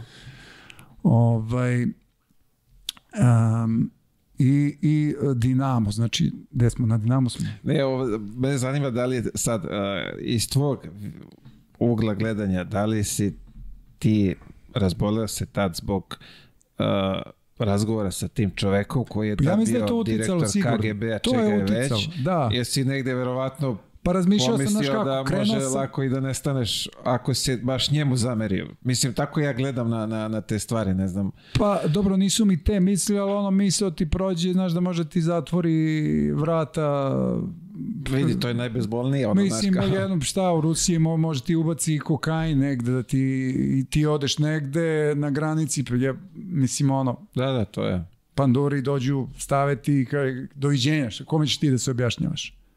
Znaš, sad, ko, sad mo- može neko da poveže sa ovom američkom Sad da, ovaj košarkašicom. sad. Ali gledao sam snimak, ona je, nema to, ona je unosila marihuanu. Sad, ti da si uneo marihuanu u Tajland ili negde u Singapur, to je smrtna kazna. Znači, to Dakle, su da. oni amerikanci to odmah na politički. Nije politički, to je... Ona je, znači, pravila se kriminalom, da kažeš tako. Jako je u, u Americi i u drugim zemljama to legalno, u Rusiji nije. Dobro, oni su vidi samo iskoristili, ja mislim, taj moment svega ovog izdešavanja da su je Tako je. napakovali Tako je, I tako je. Kolateralna šteta. A, ovaj, I to je sigurno uticalo na to. Ono, dođeš na neki vrh, da kažeš u tim godinama kreneš da pregovaraš sa takvim ljudima, Pešić u to vreme najatraktivniji trener na tržištu, najbolji, dođeš, ne uspe. A čekajte, sledeće godine već Sledeće je on godine tamo. da, da, da. da. Preko tebe Da, ili... nije, nije. Tad mi je Pešić rekao, ža, nisam ja znao da ti ovo radiš kao menadžer, znaš. Ja kažem, pa, kažem, pa šta, kao prijatelj, ja kažem, samo vi hoćete da zaradite pare, znaš. A dobro, on je piroćanac, mora, on je Pa dobro, ja da nisam to, znaš, malo dinaru. ono, normalno iznerviraš se, ok, kasnije, da kažem, iskupio, spojio nas je bio sa njegovim prijateljom, a, Jurgenom Reberom, nekadašnji trener Partizana, eto da kažeš, ajde, na, na to je, uh, ispao je baš fair, uh, tu Ček, to je futbol, tako? futbol da. spojio nas, mi smo prodali I u tome ste? Da, bili smo, pa bili smo, znaš, bili smo. Malo je to druga, drugi sport još tih godina, to je 2006, 7, 8, tad je u košarci baš bile su velike financije, a onda dođeš sad, ideš na stadione uh, futbalski gde je hladno i onda smo odradili jedno četiri, četiri igrača smo potpisali i, i Jurgena u Saturn, bivši klub. I onda sam vidio, to je sasvim druga branža, tu je taj neki običan trener, ko što je više nego najskuplji kučarkaš, mislim, u Evropi, znaš, i to su, to su baš neke, neke druge financije. Kako je, ka- kakva je razlika biti uh, menadžer u futbalu i, i u košarci? Pa, znaš, velika je razlika, prvo, mislim, drugi, druga sfera, drugi ljudi su uopšte. Drugi, da kažem, malo, košarka je dosta kulturnija. Eto, tako da kažem, znaš. Da- da I ublažiš, bezbednija, da da, ublažim, da, da, da, bezbednija, znaš. Mada su, ali vidi, verovatno zbog velikog novca, onda je, tamo je to malo. Pa Prljavije. da, evo pre, ne, pre dve, tri godine u stvari ne, nekog, pošto sa, sa Zenitom imamo dobre odnose, imamo trenera, imamo skoro celu ekipu, svi Rusi su naši uh, tamo i, i ovaj, um, imali smo pregovore, znači imamo izlazak na, na futbalski klub isto na, na predsednika i baš dobre odnose njim, on voli Srbe. Ovaj, I sa nekim ruskim menadžerom smo pregovarali za igrača 20 miliona dolara je bio da pređe. I sad čovek dođemo kod čoveka koji je vlasnik agencije, on se ne bavi time, nego radi jedan ruski menadžer za njega, ali mi idemo na gazdu. Sad, a gazda drži, ima 13,5 hiljada vojnika koji, koji, koji, koji drže obezbeđenje, da kažeš, za, za Gazprom, na primjer, naši imaju. I sad, ono, čovjek otkud vi tu? Znaš, i sad, ono, zna ko smo, šta smo, razumeš? Sad sa, ovim, sa, sa, još, sa nama radi Vadim Mihalevski, Uh, od, on je nečak od tog Mihalevskog što je bio gazda Dinamo. Aha, Kasnije aha. smo se spojili, pošto on je napadao jedan deo ruskih igrača, mi drugi, onda smo se spojili, kažemo, aj, ajmo zajedno, znaš, da, da napadam. Iako je to na početku bio minus, pošto ono, znaš, kao Mihalevski vezali su ga samo za, da, da, za da, Dinamo, da, da. onda kao ono, znaš, i onda tu, a ipak ono, nas su svi znali, znaš, na meni burazira, smo na tržište stvarno probili te neke milionske ugovore, znaš, prve van CSKA, CSKA je plaćala, a mi smo bili Himki, pre ovih naših uh, velikih menadžera smo potpisivali milionski ugovor.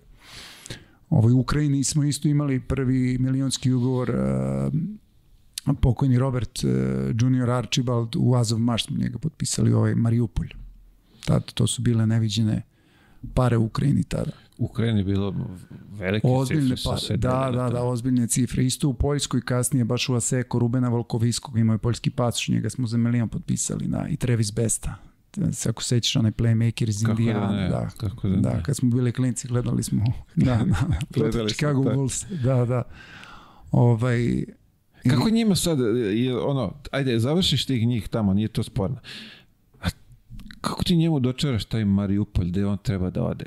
Mislim, kad on dođe To- to, tamo, par. te zove, kaže, brate, Da. da, si, šta je ovo, gde si me kaže, doveo? E, gde si me doveo ovde? Znaš, njemu se desi, desi mu se slučaj da ovaj, pukne mu slepo crevo, njega operišu i posle i sad on se porelja, kaže, brate, bolnici su katastrofa, znači ovo, Mogu zamisliti, da. znači ovo naše Beverly Hills ovde, naš, ove naše bolnice. I nedelju dana posle toga ženim pukne. I onda je on 150.000 dolara platio medicinski avion da lete za Ameriku. Eto Da bi to. se operisali. Da, da bi ženu operisao, znaš, kao... Pa zar nije mogo negde bliže u Evropu? Pa pobogu da, mogo ali dobro, to su, znaš, ono, Amerikanci, znaš, k- igrao da, si da. sam, znaš, koje oni su, to, to je totalno drugi svet, to je uh, Amerikanci, nisu oni loši, znaš, nego to je ovi ljudi što vladaju sa njima, pa naprave, oni su napravili naciju koja, je- ja sam bio na faksu 90, koja je šesta, osma, to je totalno neobrazovan narod, znaš, u jedan narod u programu, prvo u, U programu, Kalupljan. Da, u programu ishrane, hemijski prerađene ishrane, znači ono gde dobijaš sve u pakovanju. Znaš, ti budeš zdrav, normalan, normalna shvata. Tamo naj, najle, najlepše se ispričaš sa, sa crncima, meksikancima, ali vidiš da su približno nama, da imaju otvorenu glavu, li, žive u lošim uslovima, ali otvoren um. Hoće da nauče, hoće da čuju, znaš. Na ovo belci sve misle, jer su kao najmoćnija država, sve znamo, sve znamo. Ok, jeste, imaš velika kola, veliki televizor, ali Da. daleko si. A, ti si, to jest vi, agencija, kako, kako god to, uh, završili ste i Poceka u... I Gianmarco Poceco je radio sa nama isto u Himkiju, to mu je jedan od većih ugovora, čovjek se preporodio. Ja sam, ja, va, Rade bio tad s njim ili je bio pre, kako, to ne, se poklopili, ne, nisu? e, Nije, nije, on je bio, Rale je bio posle. Rale je bio kad, je, kad smo doveli Skariolu, Serđa. Oni su igrali tad finale finale protiv Ljetuva Sritasa u Torinu Eurokupa. Izgubili su od I Rimasa. onda viš, možda nisam od njega čuo. Ne znam od koga sam čuo priču za njega, da je, da je ono, pa, ludak bio, da, show. da, da, da. Znaš, to je to. Da li je dobio I neku ostao. kamera na nekom I ostao je. All Staru, šta je, nešto je, ne, neke priče imam ono što sam čuo, ali ne mogu sad da, da I, povežemo. i, i ostao je takav, znaš, dosta egocentričan, znaš, mora da bude samo ono show svi ostali da gledaju i tako. Pa verovatno zbog toga je vozio Hamera tamo šta da bi ga primetili. Pa da, znaš, onako vole da, da, da izađe, da, ok, fin dečkić. Mislim, ostao je sad kao trener, eto vidiš, i dalje na, na, na tom njegovom showu, što bi Da, rekao da. naš narod, tera dalje. Na talasu je, da. Na talac je, tera i dalje. Znaš, ako tu nije, nemaš, e, da li ima pokriće, ne znam, ali ok, ajde, dobili su Srbiju, ali tako, znači Tako ne mogu je, da, da, kažem da ne. nema pokriće, ima, ima pokriće. E, ovo me zanima, spomenuo si mi ta ukrajinska liga, to nešto funkcioniše kroz neke balone, oni čak uh, igraju i ta neka evropska takmičenja. Pa igraju, uh, ako ne grešim, igraju dve ekipe, igraju uh, Promete igra Eurocup, oni su bazirani u Rigi, u Latviji, u Letoni, um, i igra Budivelnik, to je bivši prvak Ukrajine, o, igraju FIBA Eurocup, znači to je ona najniža od svih uh, evropskih takmičenja i bazirani su u Rimu. Bazirani su to njihovi tekuni sponzorišu. A, ima tu Litv, ovaj, ukrajinskih igrača ili... A, da, da, ima, uglavnom su ukrajinski znači, reprezentativci. morali sve da izmeste da, tamo da bi to da, funkcionisalo. Da, da, da, i sad plan im je neki, mislim, GM-ovi, generalni menadžeri su ostali isti kao i pre ovog sukoba, Uh, i plan im je neki da urede neki bubble, da li u Poljskoj, da li u, u Litvani, da li u Letoni, uh, april, maj, kao da se odigra neko mini, mm -hmm. mini prvenstvo. Znaš. To je... Mislim, zanimljivo za A šta je s ovim ostalim ekipama? Gde su oni? Šta, e pa to ne znam, stvarno, to ne znam. Ne, nisam malo pratio na šta ono već e, od, od, od e, da kažeš, ove njihove naranđaste revolucije financije su im pale dosta. I onda to automatski tržište ti... Da, da, da, da, nije... Da, ti da, za, da pridobiješ igrača da dođe, uh, dobrog igrača ti moraš da mu daš dosta para da neko dođe u takvu naš u takvu sredinu i onda kad nema tih financija onda se ne baviš s igračima Jasno, nije da. ni tebi kao menadžeru interesantno da prodaješ igrača 50.000 uh, ovoga, Šveda smo spomenuli uh, vi ste njega od te neke kad ste ga pokupili sa 15 vodili, vodili. i do, do čak i u NBA. Vodimo ga, da, da, vodimo ga u NBA. U NBA je potpisao 11, 11 miliona, preko 11 miliona ugovor. To je bio u to vreme najveći ugovor Evo, to je za nedraftovanog igrača. Da, naš, direktno naš igrač jedini, da. Na, I i ovaj, ja sam ga terao da on ostane, on imao ponudu od uh, New Yorka da ostane, mislio sam da treba da rizikuje, ali dobro, čovjek je izabrao para i rekao mi u jednom momentu, kaže, znaš šta, ja idem kući, vraćam se kući, veći pare nego NBA, što ja da rizikujem, kaže, sledeću godinu, da li igram. I onda se vidio, naš NBA je dosta i politički, to je on u Houstonu kad je bio tamo je odredio Harden da on neće da igra, da će Terry da igra. On je odigrao zadnju utakmicu protiv Golden State-a, ne znam, 14 minuta, 9 poena, solidno odigrao, samo rekli, stavili ga na stranu, neće da igraš. I trade sa New Yorkom, što mu je bila najbolja stvar, desi se 5 minuta pre završavanja deadline-a Znaš, zovu me samo GM iz, iz uh, Houstona me nazvao, kaže, e, tradovali smo ti igrača. I onda on kaže, e, pa kako ni znaju, onda često se desi da ti ne znaš da će da, se da, desi da. trade, on je u zadnjem momentu. I, I tad je Fisher bio trener i prva utakmica on ga ne, ne igra i e, ja mu rekao, ako te ne igra, priđi odmah. I on odmah priđi, kaže, coach, je li igram ili ne igram? Ako ne igram, da znam da se psihički spremim. Ja kaže, ne, igraćeš. I tad je stvarno ono fenomenalno odigrao u Njujorku, pošto on sa loptom, mislim, stvarno ono lepo, lepo igra, zna da igra dečko. A, Odbrana je bio problem, zato... Tako je, da, da, da, da tu je... Matador defense, što, što... zvali su Matador defense, to ono kao prođi ovde, to prođi ovde, izvoli. da. A, sad me ovo, čačno si me sa ovim, uh, ovaj, uh, kako se zove, Harden je rekao da neće igrati. Da, to mi je, to mi je Aleksi rekao, kaže, tačno sam vidio da je Harden rekao. Ali dobro, za Harden rekaš, ne mogu kažem, on je ban serijski igrač. Kaže, ono, šuterski trener, kaže, pa to ne možeš ga dobiješ nikako na treningu kada igraš kao. A to mi je jasno da, ali opet da igrač ti... Pa dobro, to je NBA, znaš kako, to je show. Oni odlučuju kod njih zvezde manje više šta je trener, trener je u stvari menadžer. O tako, imaš ovih par starih trenera koji rešavaju sudbinu i rešavaju šta se dešava i svi mlađi treneri, to je organizacija, to je organizacija. To smo videli kad su bile izbori u Americi, to je predizborna kampanja za demokratsku partiju, NBA je bila maltene. Da. Da, bili ono, su BLS, svi, da, bili su svi ovaj, u, u znači, ono, bilo je ružno gledati, on kad je on bio bubble, maske, znači promocija maske svugde, on trenerima, cheerleaderkama, svi maske, ovi igraju bez maske, čekaj, brate. Ovi su zdravi, ovi nisu zdravi, šta? Znaš, to je ono, Kao sve američko. Ide povezano s politikom. Jasno. Uh, od naših uh, igrača tamo, koje si zastupao da kažemo, na tom Pa- u istočnom bloku. U istočnom Pi- Pištoljević je bio s nama, a, Labović Dragan, njemu smo isto onako lepu karijeru uradili, pa je posle, kad je već krenuo dole, otišao od nas. Ovaj, više smo Hrvata imali. Iskreno imali smo Marka Popovića, Šundova, Juricu Žuži, Žužu, Lončara, to svi bili reprezentativci, znaš. Četiri A, reprezentativci to Lončar. Lončar, pomozi mi. Krešimir. Krešimir, Krešimir. bravo. Sa trener u Wurzburgu. On ima ženu Nemicu, pa je igrao Tako tamo, je, završio je, znaš, je. tamo ima nečke papire i sad je trener. Bravo. I ja kad sam uh, otišao tamo u... Kako se to zvalo? Ro- Rostov? Rostov, on je bio u Rostovu. Tako je, tad smo se tamo sreli, ja vidiš zaboravio sam kako se Bio u Rostovu, čovjek, pa je bio u Uniksu, pa u Himkiju, posle Himkija u, u Vidi, lepo Valenciji. je, on je lepu karijericu napravio. Lepu karijeru, znaš, i financijski, sigurno da je bio s drugim menadžerom, ne bi imao te pare koje smo mi napravili. To je on shvatio, on je bio sa, sa američkim Ridom iz Unixa je prešao kod nas, dupla ponuda je bila za isti posao. A, više para, znaš, napravili smo u Hinkiju, i onda posle toga isto u Valenciji, Alba Berlin, Würzburg. Lepu karijeru imao, velike pare zaradio Svaka čast. da kažeš, znaš, kao ono kad gledaš neko drugi ko je bolji igrač bio, pa kaže, je, kako ovaj zaradio, a ja nisam. E, pa to je ono, treba imati prave ljude, znaš.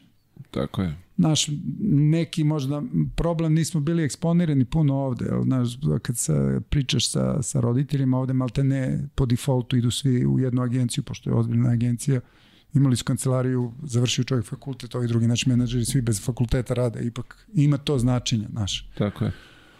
Ovaj, ali sad uh, bivši košarkaš Nikola Lepojević, ja sam igrao sa njim u slogi, znaš, pošto mi je majka sa tih uh, prostora uh, no, Novo selo, Vrnjačka banja, Kraljevo i ja sam igrao tamo sa Nikolom, sa Lepim se znamo, on sada radi za nas.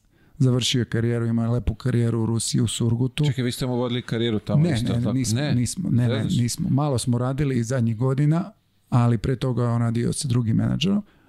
Ovaj, I sada radi za nas. Polako kreće, Pa dobro, oni poznaju isto to ovaj, tržište što se poznaje, reklo. pa dobro... Ne znam koliko je godina, on je baš nešto zaglavio dugo a, tamo. 11 ili 13 godina. 11 go, 13 godina, 11 godina igrao u klubu, do 39. godine igrao dečko. Igrao je fenomenal, znaš, ja ga znam kad je bio klinac, ono kao reprezentativac Jugoslavije, Ubica. su ga Teli, Zvezda, Partizan, pa otišao na, na kraju u Zvezdu i njemu je, znaš, drugačija karijera mogla da ide.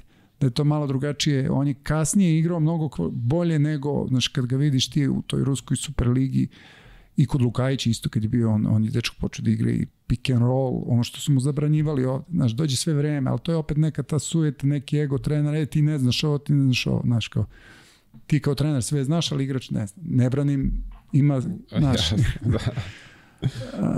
ali ono, kad ti neko govori ne znaš, ne znaš, ne znaš, na kraju ti stvarno ne znaš. Ne možeš, on te programira. To je to, da. Naš reč je, reč je program, naš, na, pogotovo u srpskom jeziku.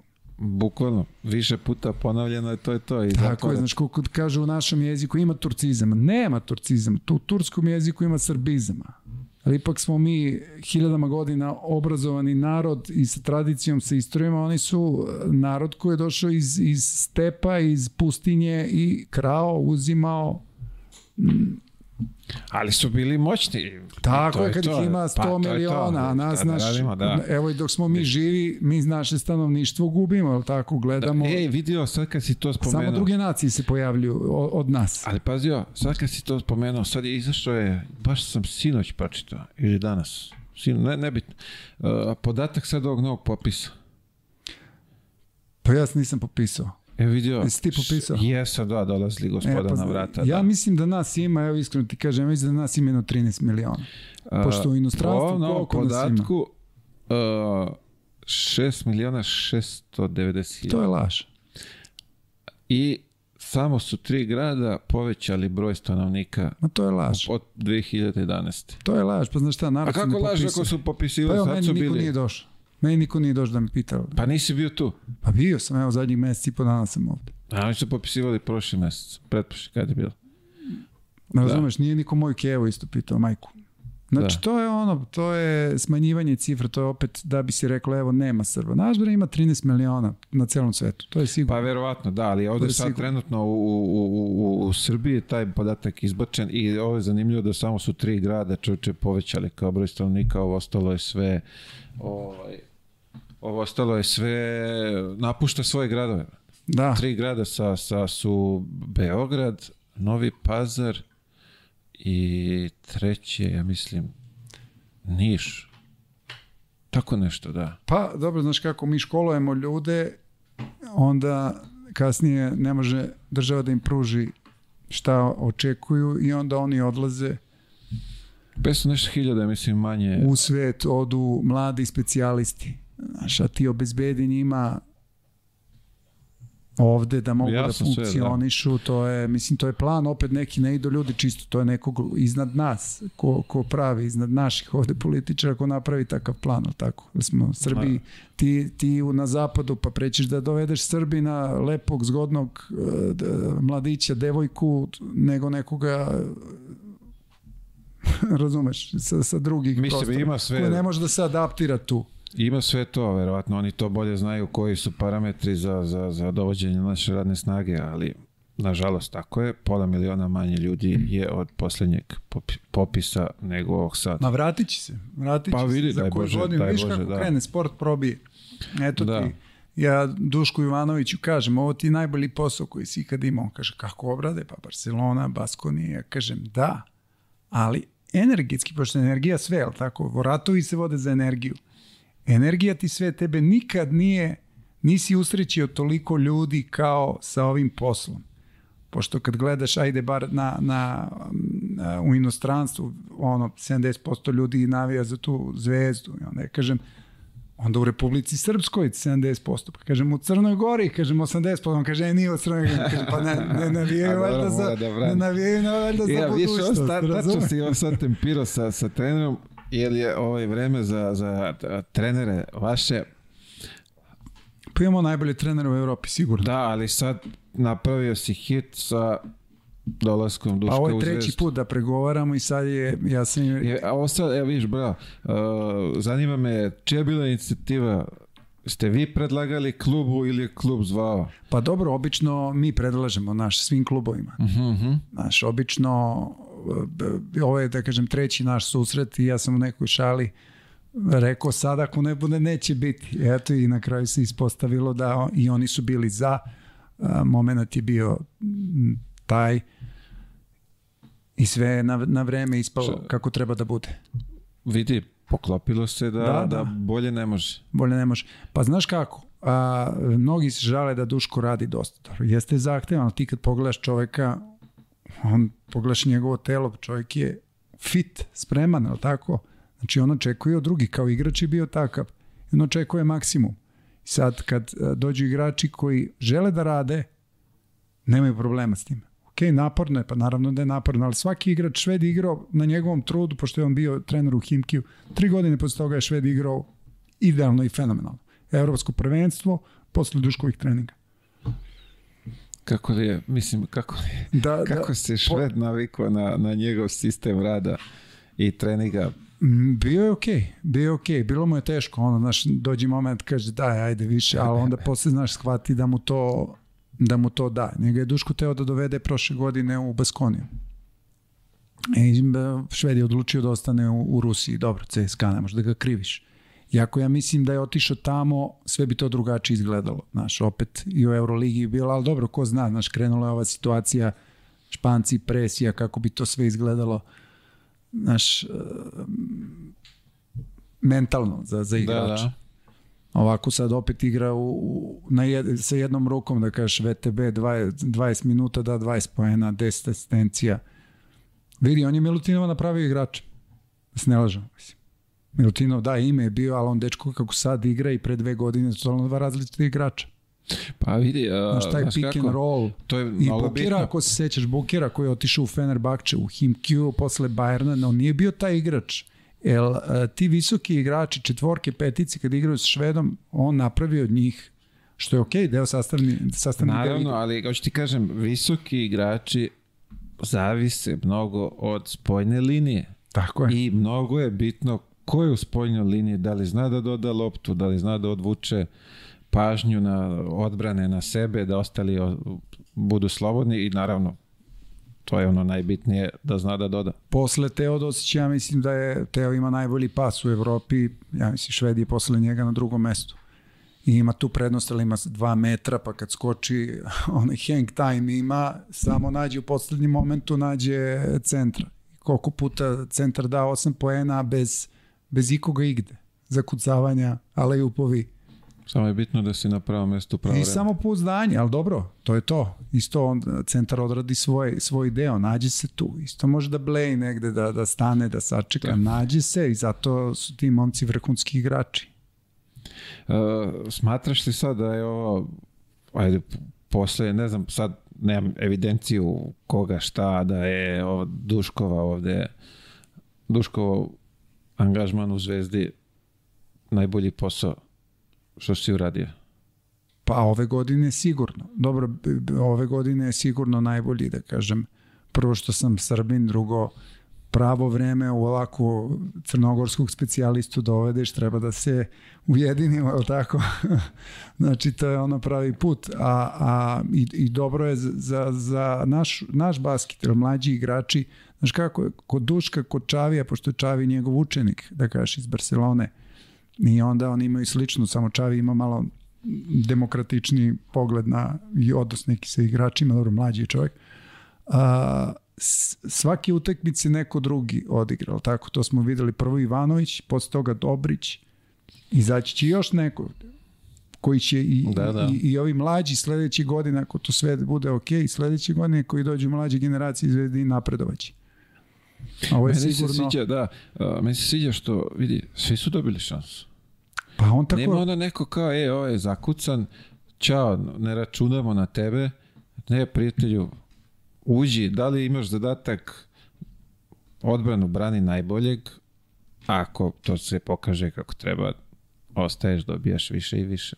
Duško ide tom filozofijom kako radiš, kako treniraš, dobiješ šansu. Ako nisi trenirao, znači nisi spreman da pružiš maksimum na utakmici. To je isto i fair i pravilno. I onda igrači imaju želju i da, da rade i da se dokažu i pokažu, ali tako? Jasno.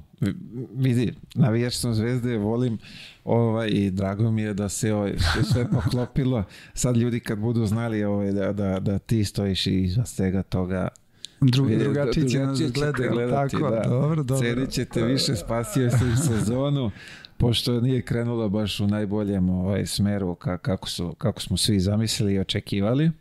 Nažalost, opet smo potrošili jednog mladog trenera, brzo, prerano, ali, bože moj, šta da radimo, kod nas se tako to brzo rotira, menja, ali za klub ovo je stvarno dobar potes. Pa dobro je, ljudi koji odlučuju, koji ulažu u sport, isto je i fair posle Partizana koji je doveo, da kažeš, najboljeg ili jednog od boljih trenera u Evropi. A, fair je onda i Zvezda da ima tako nešto, ali tako? Sad vidimo, doveli su Kampaca, znači to je kao da je ruski klub financije, znaš. Da, da, sad se to... Ovaj, Znači, ona energija iz O- Rusije prelazi nama, je tako? Otvorila se slavina, što bi Samo još da, da, da Rusi daju koje sponzore, možda bi bilo i Partizana i Zvezda. Pa ne znam da li imaju interes, ali... Pa ovaj, nemaju, da. verovatno, ali, ali, ali bi bilo interesantno. A možda će se i desi, nikad se ne zna. Bilo bi zanimljivo, da. Bilo bi zanimljivo. Pa si, ne znam da li im brane reklame. Ne, ja mislim da i dalje Gazprom vidio sam da se reklamira po... pa ja po- mislim da oni futbal, ali tako, više oni futbal. e, Da, ali mislim po, po EU, gledamo sad Evropsku uniju, reklame i dalje šibaju normalno. Ne, nisam gledao futbal, iskreno ti kažem. Jako sam dobro primetio da, da tu nema nekih sankcija na, na to, tako da kompanije koje ono žele i mogu ako prepoznaju Pa dobro, vidiš kako svi su obrušili na ruski gas, evo čitam pre neki dan da je Poljska opet zatražila očigledno da se nema gas od, od, od Rusa, iako propagiraju da ga ne kupuju, ali opet su ugovore potpisali. Znači, to je ono sve Pa vidi. za to je, narod. To je nama šta prodaju, a tamo šta je. se dešava. Tako je. Tako je. ovaj, sad smo u ovoj trenerskoj rubrici. Dobro. eh, Velika su imena tu. Uh, malo pre si rekao, ego je veliki. Kako je s njima sarađivati? Pa ja imam odličnu saradnju. Znaš, i sa, sa, sa Duškom, Duško je porodičan čovjek, veoma prijatan, obrazovan čovjek. Kad mm, pričaš, nađeš hiljadu jednu temu, malo te ne najmanje o basketu pričamo. Znaš, kad se, kad se nađemo. I ovaj, a, Skariola isto tako, opitao si me da ove godine to najveći posao, pre, pre dve godine bio povratak Skariole u Virtus isto. Iako je posao godinu dana pre toga smo pričali sa generalnim menadžerom o tome, onako nerealno je to bilo. I onda u momentu se desilo, cijeli pregovori u roku od 7 dana su bili završeni sa Virtusom. Znaš, njima je trebalo veliko ime. Velika imena privlači sponzore. Da, da, pri, pa dobro, oni imaju sponzor. Da, oni su okej, okay, ali opet... Oni kao da imaju, oni imaju ovaj drugi gas, kaf, tako, možda koji je e, još, još veća potražnja za, za, za, za kafom nego za, za gas. Pa da. vidi, mnogi smo zavisnici od tako, te kafe, istina. tako da je ovaj... Istina. A, pa, znaš kako, kad su ljudi obrazovani, s njima i prijatno i raditi, i interesantno i, i bez problema. Što pametni čovjek, to je sve lakše ide, tako? Mislim, uh, da li što su veća imena lakše raditi sa njima ili pošto pa, su oni, gledaj, oni ja, su top, ja, kažemo, evropske trenerske Duško kako god je bio to. godinu i pol, dva godine bez posla. Uh, I onda smo mi, mi smo počeli saradnju i, i naš prvi posao je bio zajednički Panathinaikos, posle Panathinaikosa Himki, pa onda dalje Bešiktaš, Baskonija, Zvezda.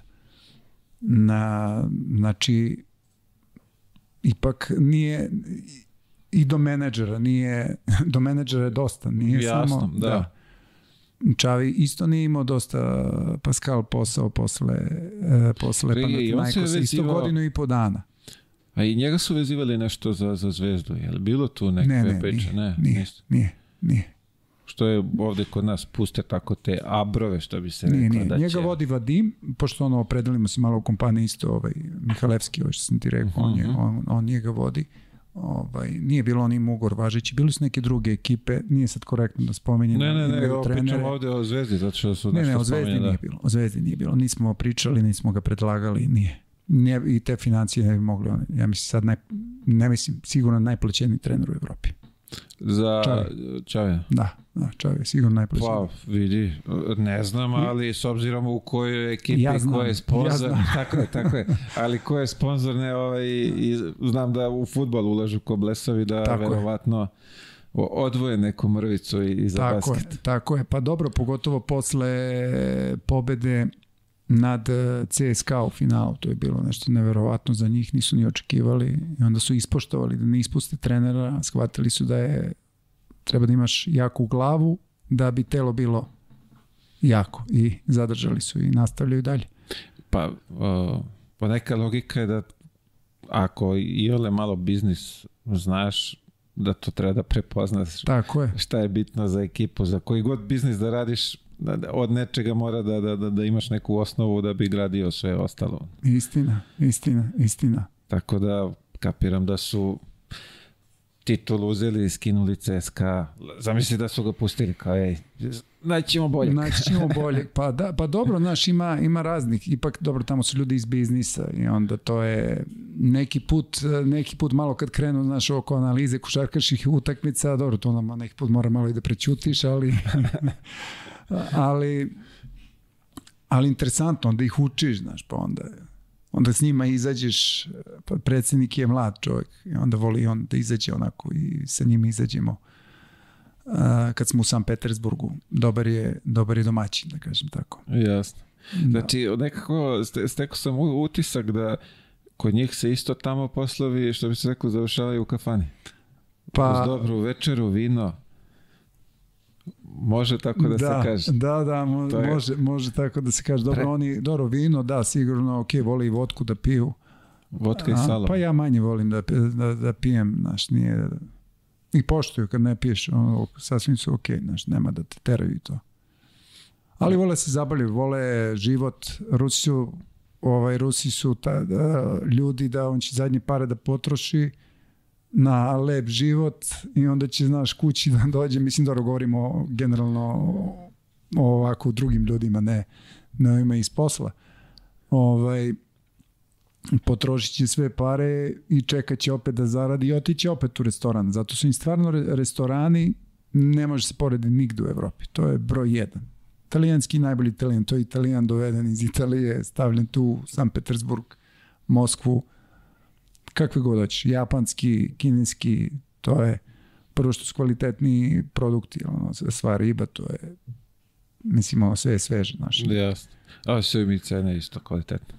Pa dobro, kad prebaciš, konvertuješ iz u euro, nije to, nije to neka sad, ranije je to bilo. Ranije je to bilo kad je rublja bila 30 dolar, 30, to su bile najskuplji grad u Evropi, znaš. A sada Može nije. da kažeš da ovde sad lupam da odeš ne znam koji restoran, ovde neki top u Beogradu i da odeš tamo top u, Pa, u bit će ono Moskvi. 20, 20% skuplji.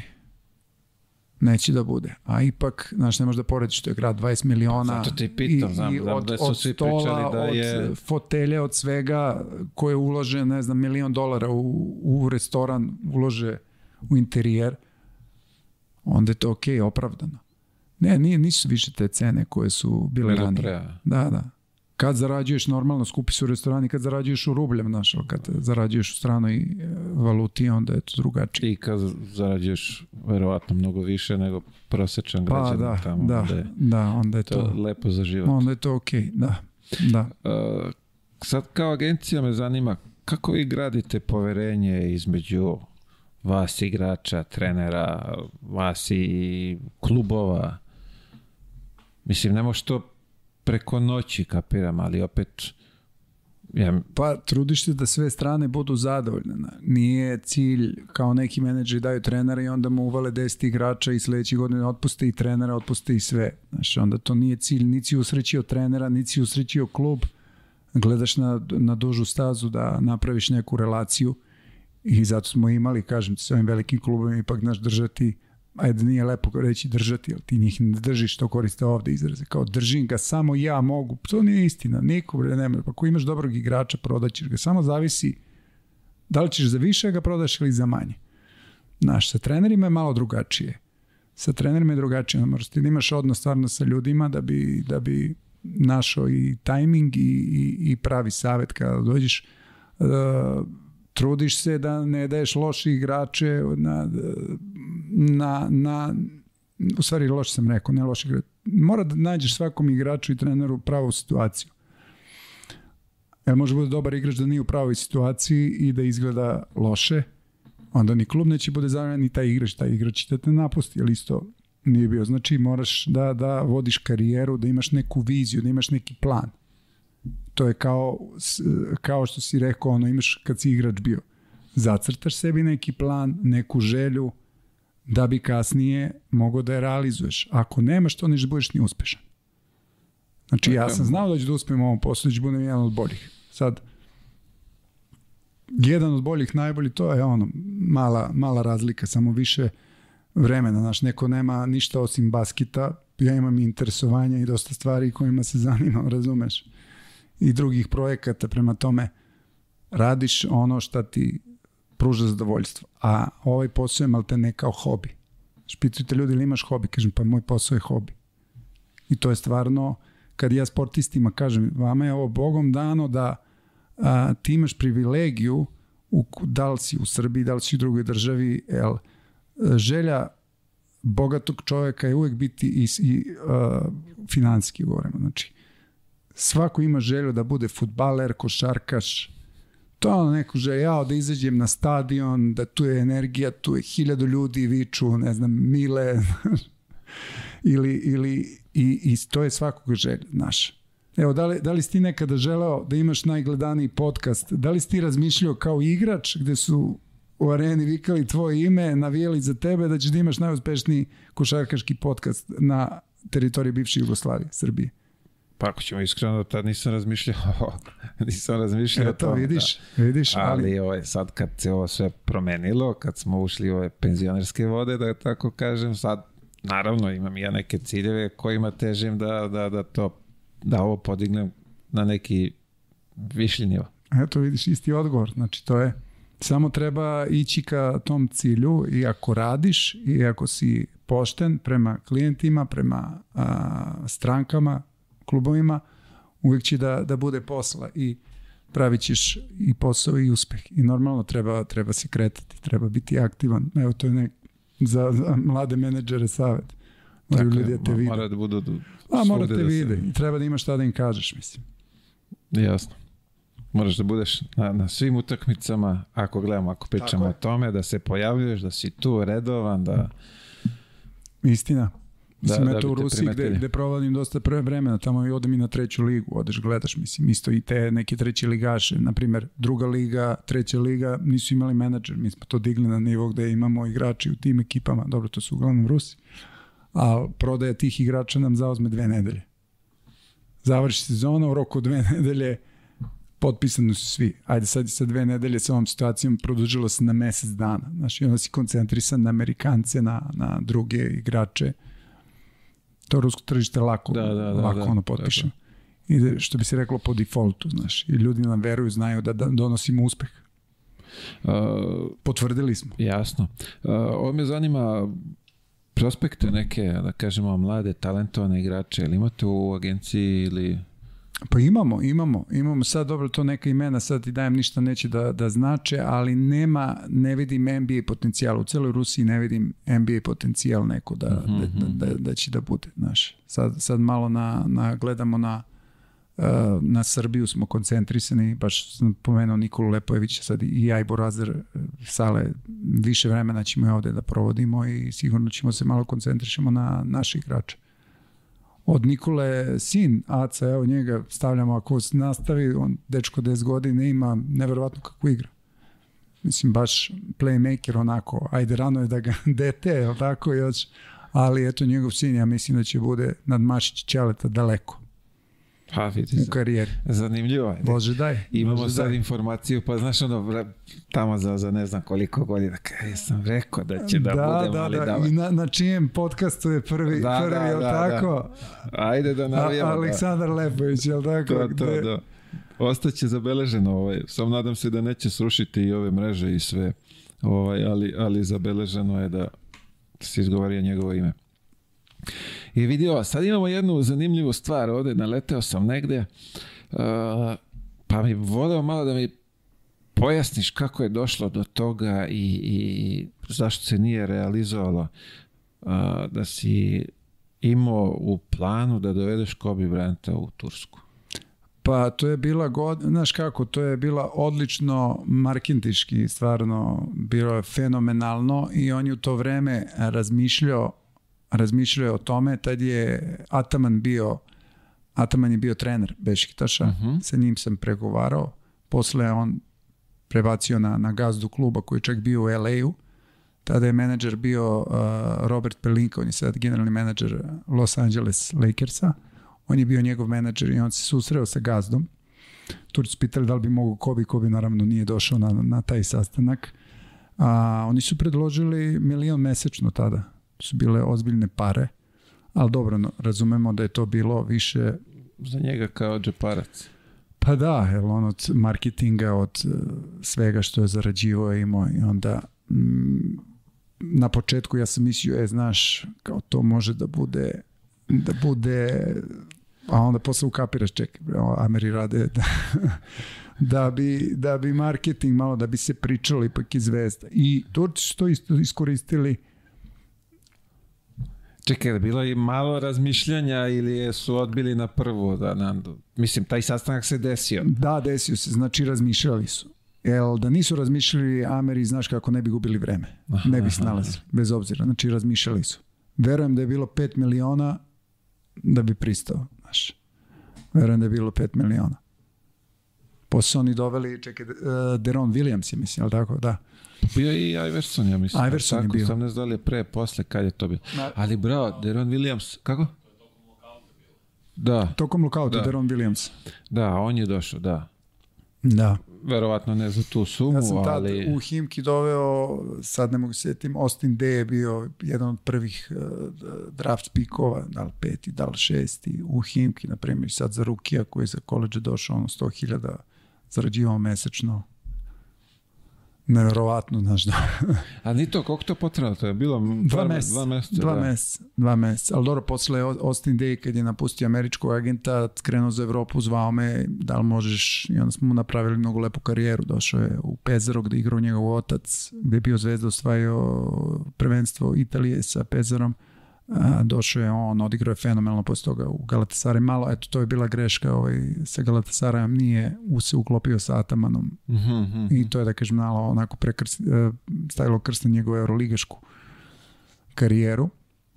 Ali dobro, bio je posle u Veneciji dugo godina, e, dugo godina bio MVP italijanske lige, baš onako lepu karijeru. To je opet Lepi ona neka to. vizija, znaš, što napravimo igračima i neki plan.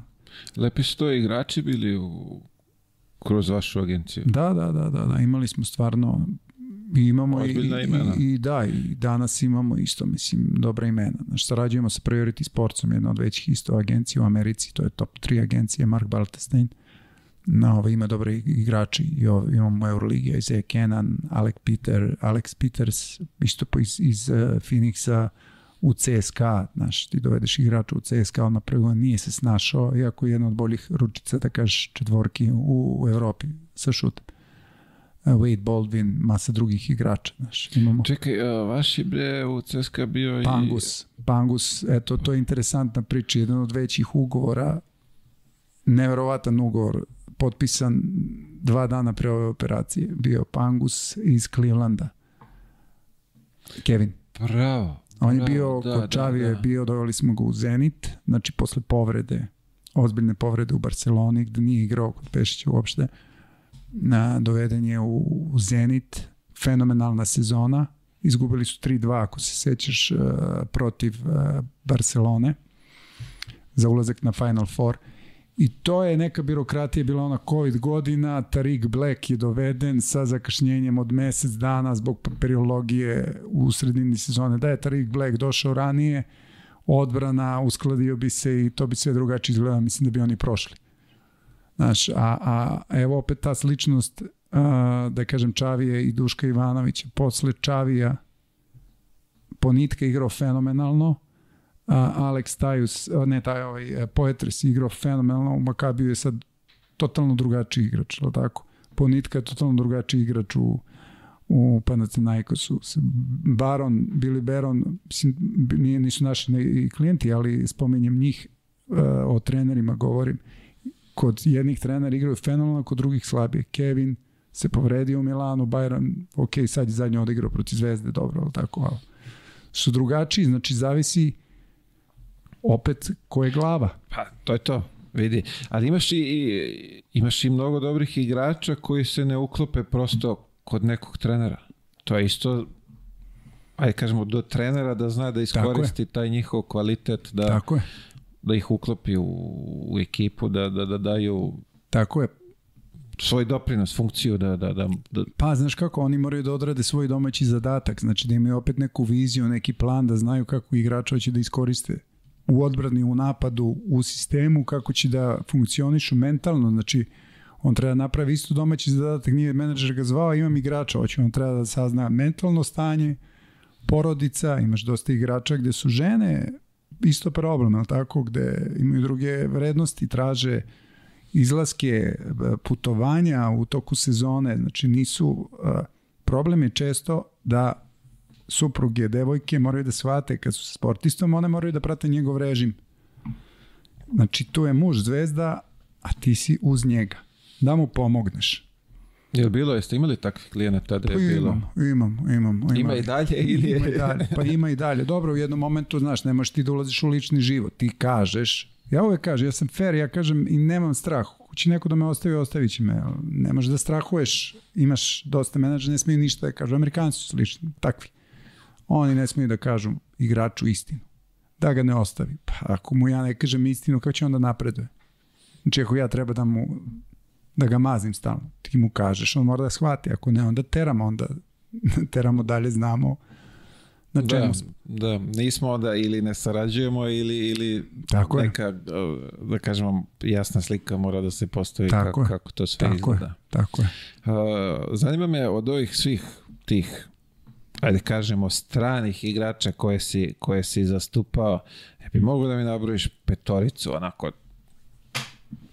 petorku od, od, od njih koji su po tvojom mišljenju top.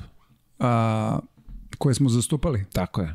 Pa ajde stavio bi Tyrese Rice na, na kecu, kombo neki, Trajan Langdon na dvojici. U, Langdon, da. Trajan Langdon, da, eto to je isto jedan od većih ugovora i, i sedam, sedam godina smo ga zastupali u Evropi. Imao sjajnu karijeru. Uh, Koliko on godina proveo bi u CSKA? S, šest godina. Šest godina je proveo u CSKA. On je bio i kod Mesine i, i kod uh, Pašutina i kod Vujoševića. Odigrao ima sjajnu karijeru. Završio je posle CSKA. Oženio se čovek u Rusiji sa ruskinjom dvoje dece. Inteligentan, njegov otac je bio profesor a, na fakultetu, sad zaboravim, gde na Lasti negde, ne, ne sjećam se na kom, znači dečko je obrazovan matematiku, je fenomenalno znao. Da. I on mi ovako da, da odaje neki utisak onako finog čoveka. Fin, jeste, fin, fin, gospodina. smiren, staložen, da, da, eto i to mu se, da kažeš, isplatilo i NBA zapošljava takve ljude sad je tako generalno. Gde veš on? Gde ja sad se ne ogrešim je u Oklahoma, tako. Ne znam, malo da, nam se, znam. znaš, malo nam se onako uh, kontakt uh, vređi, znaš, ono se... Pa dobro, logično je. Da, da. česti tamo. U, ja mislim da u Oklahoma, da, Oklahoma Thunders. Tako. Moguće, ne, da. ne znam, da, nemam predstavu. Ovaj, počeo je bio je kao scout u San Antonio, pa je u Cleveland Cavaliers kao assistant GM, pa Oklahoma assistant GM sa GM, ili tako? Čak, da. čast. Ovaj, njega na trojici, eto to mi je trojka, ko je sad trojka? Sad to, to da razmišljam. A, na četvorci, onako 4-5, meni sviđao James Augustin.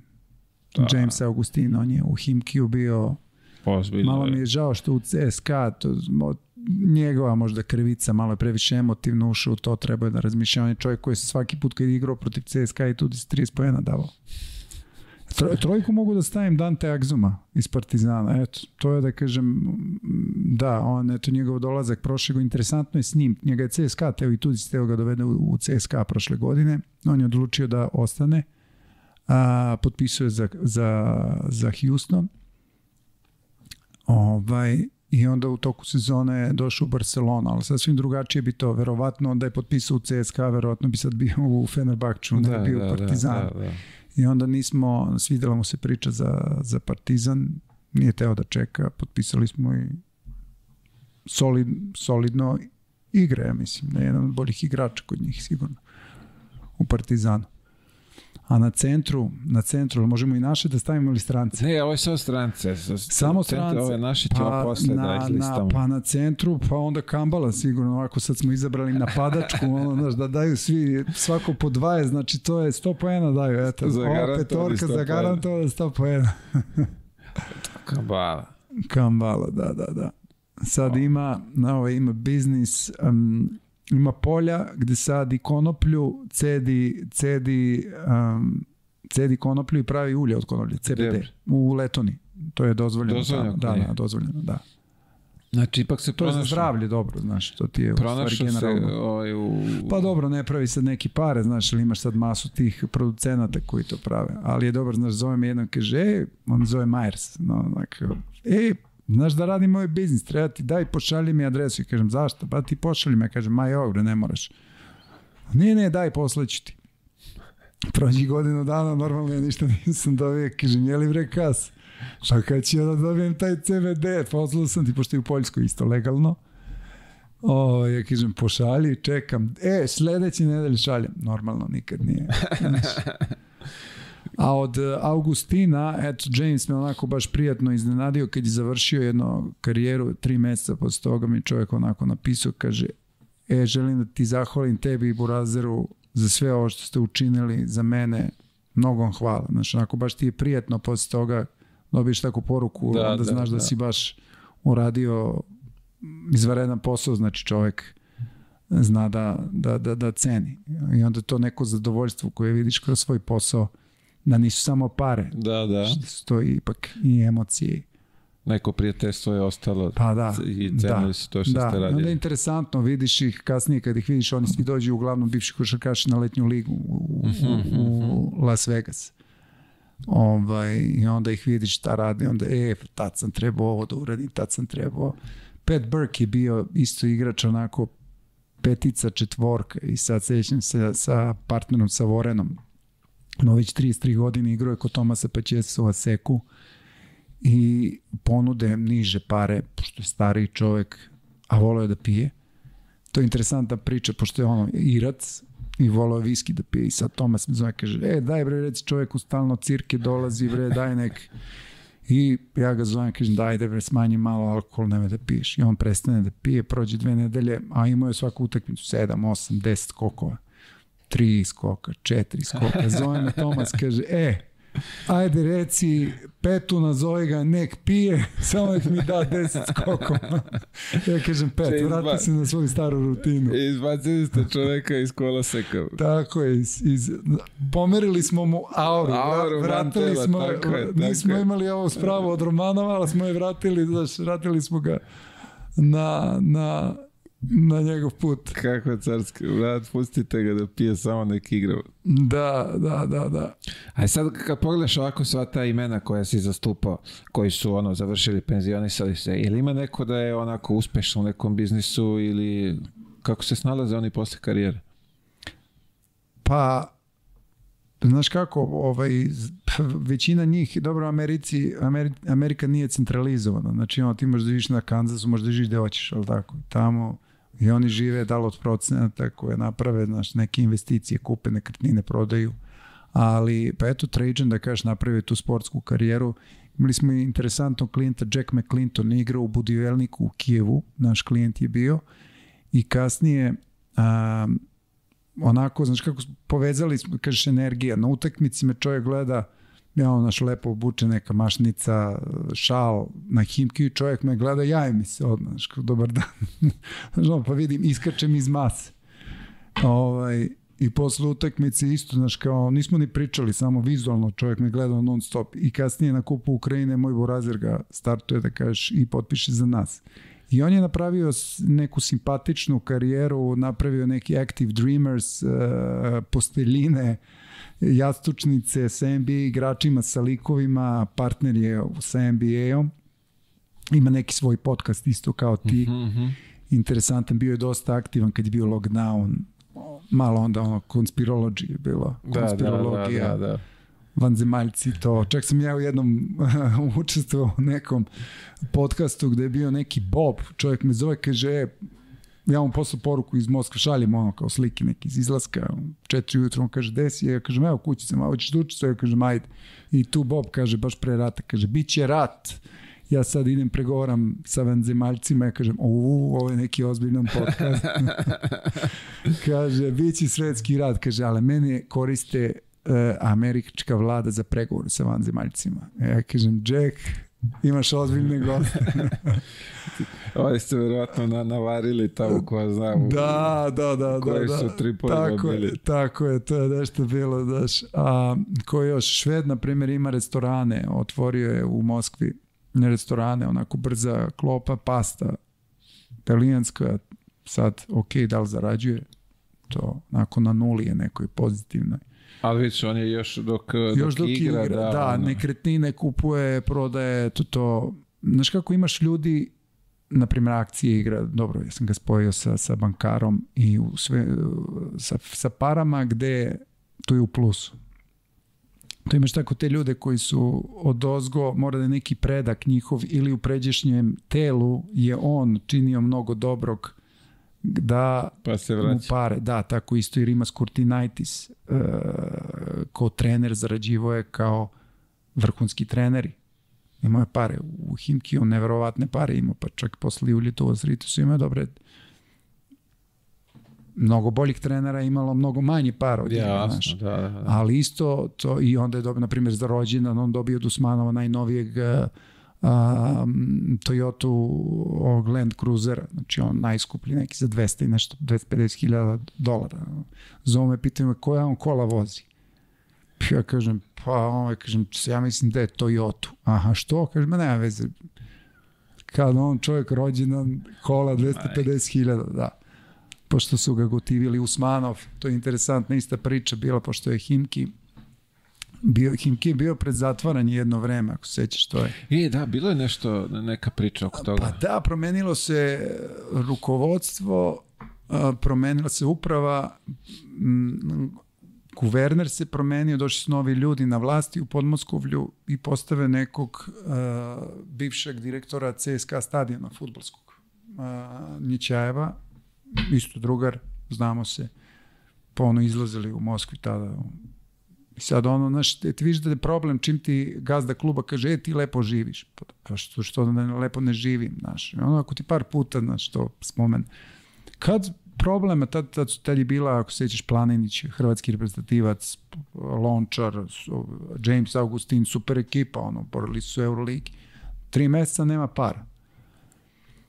Četiri meseca nema para i on mi sve, znaš, ono, odgađa kao, ej, kasnije, kasnije, on mi jedno kaže, e, znaš šta, nemoj više me pitaš za pare. Ja mu kažem, vidi, sutra ti devet igrača i treneri ne izlaze na, tre, na trening, dobiješ pismo i onda ćeš ti mene da zoveš da mi kažeš. I on kaže, ajde posle nove godine, vidim da ništa se ne menja. Kao, znaš, Kuršavel, svi su sad na skijenju u Kuršavelu, ludilo, zezanje, ajde posle praznika. I mislim, mi damo informaciju u štampu i to sve ruski medije prenesu, u evropsku štampu, sve ruski medije prenesu, digne se buka do guvernera, dođe kako nemaju Himki, Euroliga, to je sramota, nemaju sponzora i nađu taj kunad Ališer Usmanova, koji će da Da pokrpi. Da, da, i onda generalni menadžer i dosadašnji u Himkiju priča, interesantno, ve, sa sastanka dolazimo, kaže, dvorac, obezbeđenje, ljudi. Kod tog uh, Usmanova. Usmanova. Da, da, i kaže sad, mi, ja i predsjednik došli mi, govorimo kosmom, kaže, sedite dole, Rimac će da priča. I sad on kaže, e, Rimac, ja sećam tebe, bre, ti si kad si igrao Žalgiris, a Usmanov je bavio se mačevanjem. Aha, aha. I kaže, sećam se bre tebe, ti finale, navio sam za Žalgiris protiv CSKA, znaš, eto to ono što ja kažem, njima ostane, naš, u sećanju da, ta da. neka slava koju sportisti dobiju sport, čak i to već slava nego glumci što dobiju ipak, je li tako, Messi, evo sad koliko, ne znam, miliona followera je lajkovalo njega, to nijedan glumac neće dobiti. Da, tako? da. Sport to je neka arena, je tako? I priča i kaže, samo zbog tege tebe ćemo da damo pare, Kaže, su ovo tvoji ljudi? Ovo? Kaže, čovjek predsjednik, GM, kaže, ja gledam šta se dešava, da li ću da, tek sam dobio ovaj posao, da li ću ga zadržati, znaš, ovaj kaže, da, to su moji ljudi. Kaže, ok, kaže, ako nisu, reći ćeš ti koga da stavimo, znaš, eto. Maj. To je tako. Tako i onda teku su, pregovori tamo. Da, i onda pre koju godinu, ono, kad su imali katastrofu u Euroligi, nisu li da smene Rimaca, znaš jednom momentu ono kad vidiš kažeš e ljudi ajde ne ne ne nećemo drugi put nećemo da ga menjamo mi znaš drugi put nećemo prošli put smo ga promenili sada nećemo da ga promenimo. A prvi put kad su ga menjali onda je ga Usmanov nazvao i rekao a, kaže malo odmori na dve godine pa ćeš se vratiš. Tako je bilo. To je ono reči i magija znaš. Tako je bilo i onda nisam mogao se dogovoriti sa klubom oko obeštećenja tražili smo malo onako bezobrazno više I onda ga je Rimas nazvao i samo je ovaj dao signal, zvali su me, on kaže, pošalji dokumente sve da potpišemo. Ok, znaš.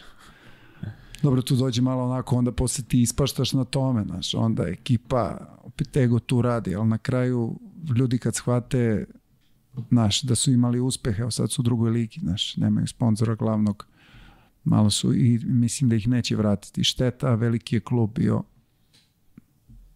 Pa vidi, za, za njihovo to, mm, aj kažemo, tržište, oni su stvarno žarili pa, Evropi, bre, oni su bili 25 e, miliona su trošili svake godine. Znaš, velike, velike pare, velike pare su bili i bili su, ok, možda neopravdano nisu imali e, rezultat u Euroligi, možda su trebali da imaju, ali dobro, ok, ovo isto biznis i za nas i za njih. Samo mislim... Davali su pare na Rimasa i to je to. Tako je, znaš. da ok, doveli su Barcokasa, Barcokas je bio top 8 i ušao, ali nije uspeo dalje. a opet kad pogledaš koji su sve imena tu, koji su klubovi, Da. bez obzira Da. koliko ti uložiš para u klub, ništa ti ne garantuje. To je problem malo, znaš, kako Rusi e, ne shvate, tu mora da bude tradicija. E, to je ono što i španski klubovi imaju tradiciju i ti na osnovu tradicije, što mi imamo tradiciju, znači onda ti se uspeh vrati, prođi taj neki e, taj vremenski period, da kažeš astrološki tih sedam godina, pošto to sve funkcioniše u sedam godina, evo zaprati to baš malo, prouči to malo. Vidi, skoro sam, skoro sam, zato me Znači, iznenadilo sad kad si... 7 godina uspeha, pa možda, e, samo zavisi, znaš, nekom ide ovako dole, ona parabola, gore dole, a nekom ide lagano uspeh na, na gore. To Da. je zavisi. Skoro, skoro sam bilo nešto sam sedeo, ovaj, pa isto bio popotegla se ta tema horoskopa nekih poznaka, znakova, kuća, peta, šesta tamo, pa sam se onako sme, smeo sam se, ali ovaj, verovatno to nešto ima svoje, ne, ne znam kako, kako to ovaj, funkcioniše. Vidi, tvoj kako kolega objasniti. ovde je više upućen u, u, u, Ti pra, pratiš? u ayahuasku, znači, znaš, ko, ko, ko je to uradio, onda ti vidiš da to sve ima priču. Si radio? Jas. Nisi? Pa dobro, Evo, treba da biti spreman, znaš, to treba, nije za svakoga, ali kažu kad se rade te stvari, deo tvoje duše zna taj šaman da uzme za sebe, to je svaka, svaki trans u kom je dal, dal, može i duhovni, znaš, crkveni, isto ti možeš uđeš u trans, da se moliš, da čitaš molitvu i da radiš glavom i ući ćeš u trans, znaš, isto kao monasi kad ne jedu, jel, ti pa kad radiš na primjer ajasku, ti moraš telo da očistiš na dijeti si dve nedelje bez šećera, bez soli, bez mesa, bez samo na zelenoj dijeti, znači bez hleba, bez kafe, bez čaja, samo na vodi. Voda i zeleno. I onda ti očistiš svoje telo. Indijanci to koči, e, koriste za čišćenje od parazita. Pošto žive u džungli i onda, znaš, razne stvari ti uđi u organizam, ti moraš da očistiš da bi funkcionisao. Znaš, kod nas narod jede uglavnom hleb, slatko i većina nikad ne, ne popije ništa protiv parazita, ceo život. Da je pola života nervozan, pa naravno kad nosiš e, drugi stanovnike u svom telu, imaš koji te jedu iznutra, grickaju te, a ti, znaš, ne shvataš. Meso na steroidima, na... Bez leba ništa. Bez leba ni čorba. Znamo za ovaj ciklus od 7 godina i to ubudi se. to iznos čisto najgore. Čekaj da vidimo. bre, E, daj onda da malo otvorimo pošalji te. Miletu, znaš, da Mile se isto polako da uđe. Daj da vidimo da otvorimo to. Jesam na toj zelenoj grani ili nisam. Pa, ali vidi, Da ćeš, ovo sigurno mora da bude na neku, na, na, na, da se pojavi i njegov show na, na nekoj većoj televiziji. Znači, tebe će neko da otkupi. Eto, to, došao sam bez poklona, dobit ćeš neki poklon od mene i onda će da ti krene. Razumeš? Opa, evo. Da, evo, Znači, prošle godine sam bio u. Meksiku kod, uh, i sad drugaricu jednu iz Ukrajine imam koja bavi se spiritualnim stvarima, vodi jogu, gong. I ovaj, radili smo nešto zajedno i ja je častim na što. Ona kaže, ne, ja kažem, vidi ti svoje vreme odvojila za mene, vozila si me to, to 100 dolara, "Ba, to je previše. Dva put sam je naš, Posle toga nju je krenula njena mama, kaže, od kad je obra dao pare, kaže, nju je krenula, kaže, na gong ne može ono se... E, taj gong ovde, skoro sam sedeo s Neverovatno čovekom. Neverovatno. Skoro sam sedeo s čovekom i pričao mi o tome.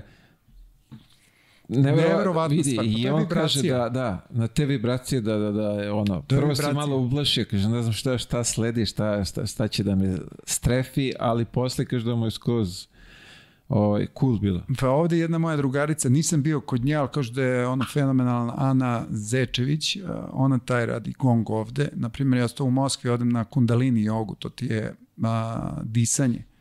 Uh Što većina ljudi nepravilno diši. Onda ti kad odeš na jogu disanje gde ti je, dišeš, na primjer, na sat i po vremena kroz nos, znači to su ono razne vežbe, udahneš, pa onda ispuštaš na usta, pa znaš, onda staneš na jednoj nozi, pa nešto, ti posle toga izađeš kao posle najozbiljnijeg košarkaškog tre- treninga, samo što ti glava čista. Kao da si bio na, na planini dve nedelje. Znaš, Da, onda da, posle da. toga da završi gongom, sediš, znaš, opuštanje, malo meditacije i to kad krene, još kad je dobar instruktor, neverovatno koji je to osjećaj, znaš, to je. Pa ja sam ukapirao da se leži tu nešto pa da, Da. da. da udara taj gong iznad. Da, pa ima da. isto da one stave tibetanske čaše na tebe, na primjer kad ti je loše, on te stave pa ti udari to, prenese vibraciju na tebe i tebi je stvarno bolje. Mislim, ima mnogo toga ovaj, što mi ne znamo, tako da... Pa ne, čovjek samo mora da se interesuje. Imaš uh, Wim Hof ti najjednostavniji, da ne ideš po časovima joge, on je postao i- dosta popularan kad je bio karantin, pa je Novak. Đoković sa njim uradio. Onda, Tako je, da. Pa evo ja radim njegove vežbe četiri godine, znači to je disanje na 15-20 minuta prva stvar kad se probudiš ujutro i posle toga radiš hladan tuš 3 E, do 5 vi- minuta. Ali uh, taj hladan tuš meni gotivno. To sam nešto isto ja počeo onako s vremena na vreme primenim i mogu ti reći da je ali viš nisam znao koliko vremenski treba. Ne, ne, uradiš disanja. Znaš, to su duboki udisaj na nos, a, radiš stomak, grudi, glava i izdisaj na, na usta i posle toga tebi je uradiš malo sklekove, odeš, stuširaš se i zaboraviš na hladnu vodu i onda možeš, mislim dobro to kad uđeš već u fazon, Tako je, nemaš na prvo, malo je. Imaš ovaj, par puta kad sam kretao, dva puta sam se prehladio, ono, duže malo po glavi, znaš, ono sam se hladnom vodom ledano pa se prehladio, ali posle uđeš u, u to, radio sam i u jezeru, u hladno jezero uđeš isto, dišeš, ono, sneg pada, ti uđeš u jezero, dru, drugačije, to je, mislim, teško ti opišem, onda imaš i, i adrenalin ti se digne, i testosteron, i, i, i doptamin ti se digne, i serotonin, bolje spavaš, znaš, sve, Vidiš, sve, sve to ima svoje, samo verovatno niti smo ovaj, dovoljno... A igrači imaju bolji performans. To svakom trenerom on govori. Kad rade ove vežbe, disanja. I su izdržljivi. Naprimjer, to vidiš, uradiš disanje i sad radiš sklekove, možeš da uradiš tri, ajde kažem, otprilike. A onda posle ovog disanja udahneš i izdahneš. I bez disanja, što je nepravilno tako, kad radiš sklekove, odradiš 40. Eto, to je meni prvi put. Ja sam radio ono svako jutro kao 30 sklekova, otprilike.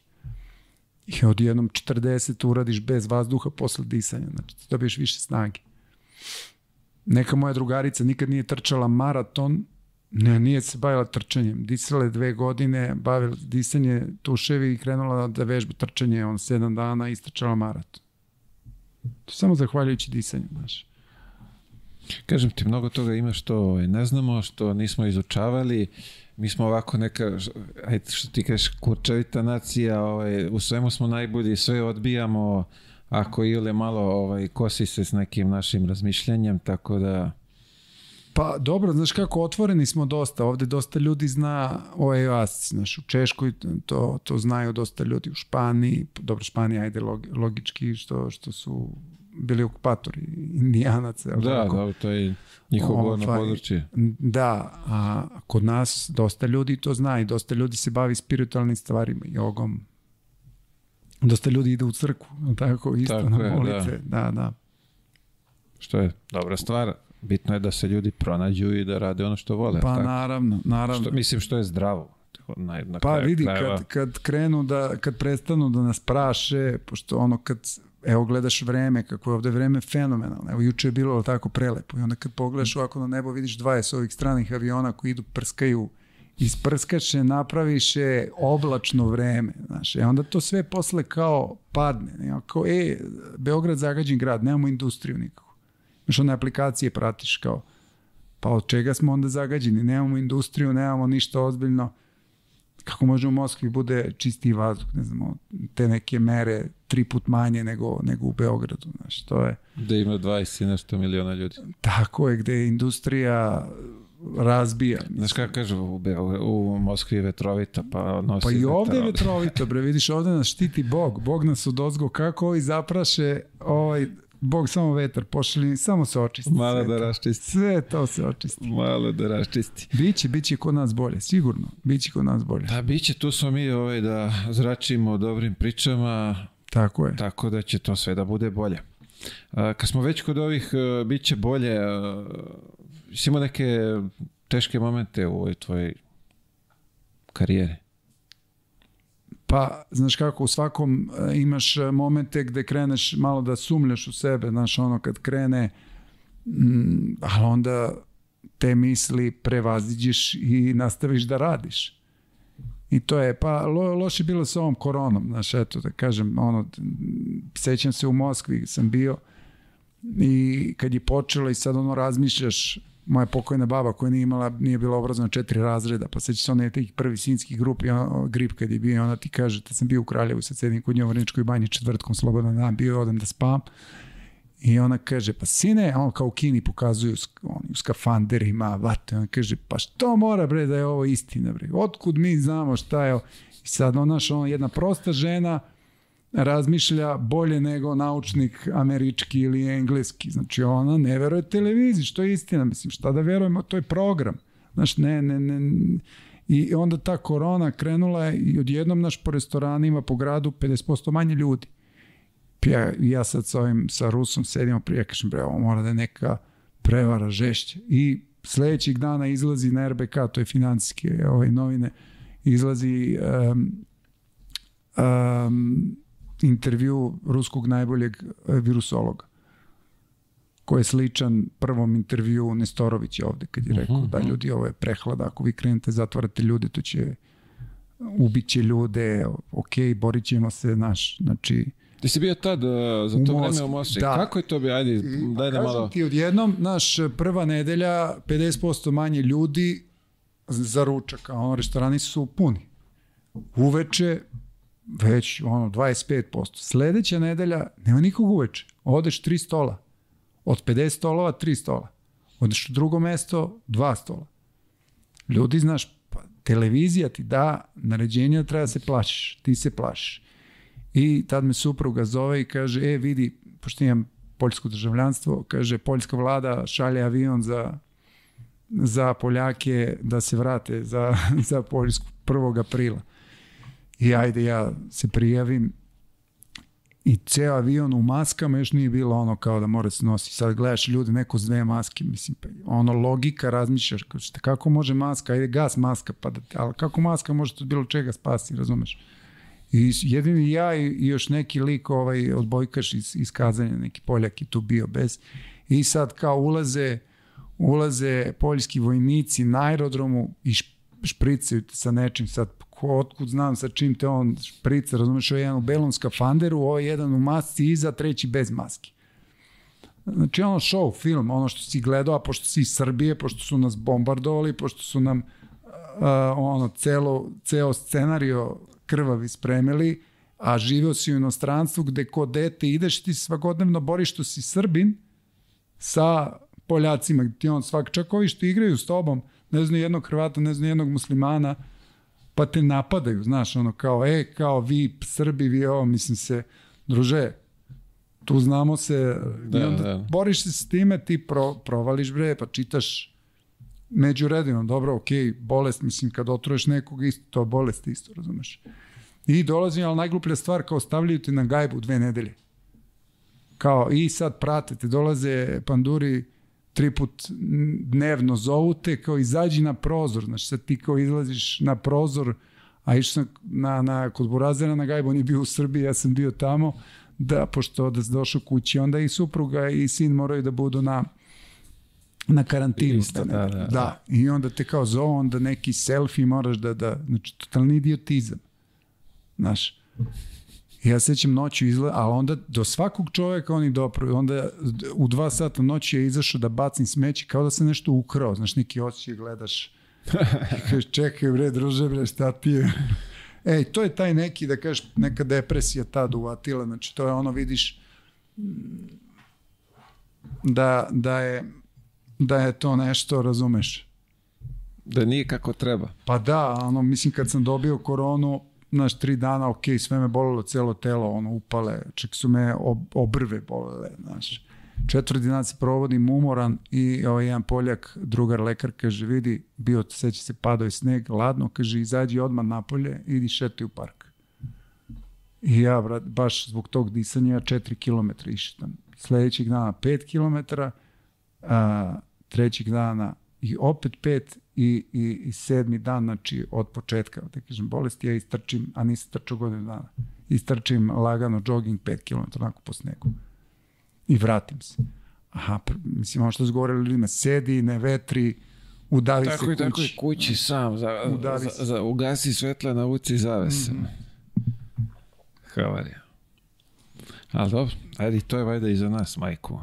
Pa, Uh, zanima me, tvoj savjet uh, koji bi udelio tim nekim mladim, aj kažemo igračima koji dolaze tu su negde da postanu neka profi profi igrač ili i roditeljima njihovim kako, kako da gledaju kako da Pa se prvo ponašaju. roditeljima savet da su to ipak njihova deca, da ne treba da gledaju kroz prizmu para na tu decu. To je odma jedan savet za e, hvala, za roditelje da čim krenu da gledaju decu kroz pare, energetski uspeh će da im bude odmah će ta energija da se okrene. Znači, prvo moraju da daju podršku detetu da ipak je to dete i bez obzira šta se desi da košarka nije sve, da se život nastavlja. Znači moraju da budu spremni. Znači prvo šta bi trebalo školu da završi isto. Da budu spremni ako basket ne bude bar ovo srednju da završi. Da budu sposobni za rad. A samo rad i rad ništa drugo u košarci. Znači to znaš i ti kad si bio. Ne može ko radi, ko ponavlja, ponavljanje Повторение mać, mać učenja. To je, ovaj, ajde, ne, baš Lenina da ne citiram, ali ajde, eto, citirao sam ga. I to je po, ponavljanje je majka učenja. Eto, to je to.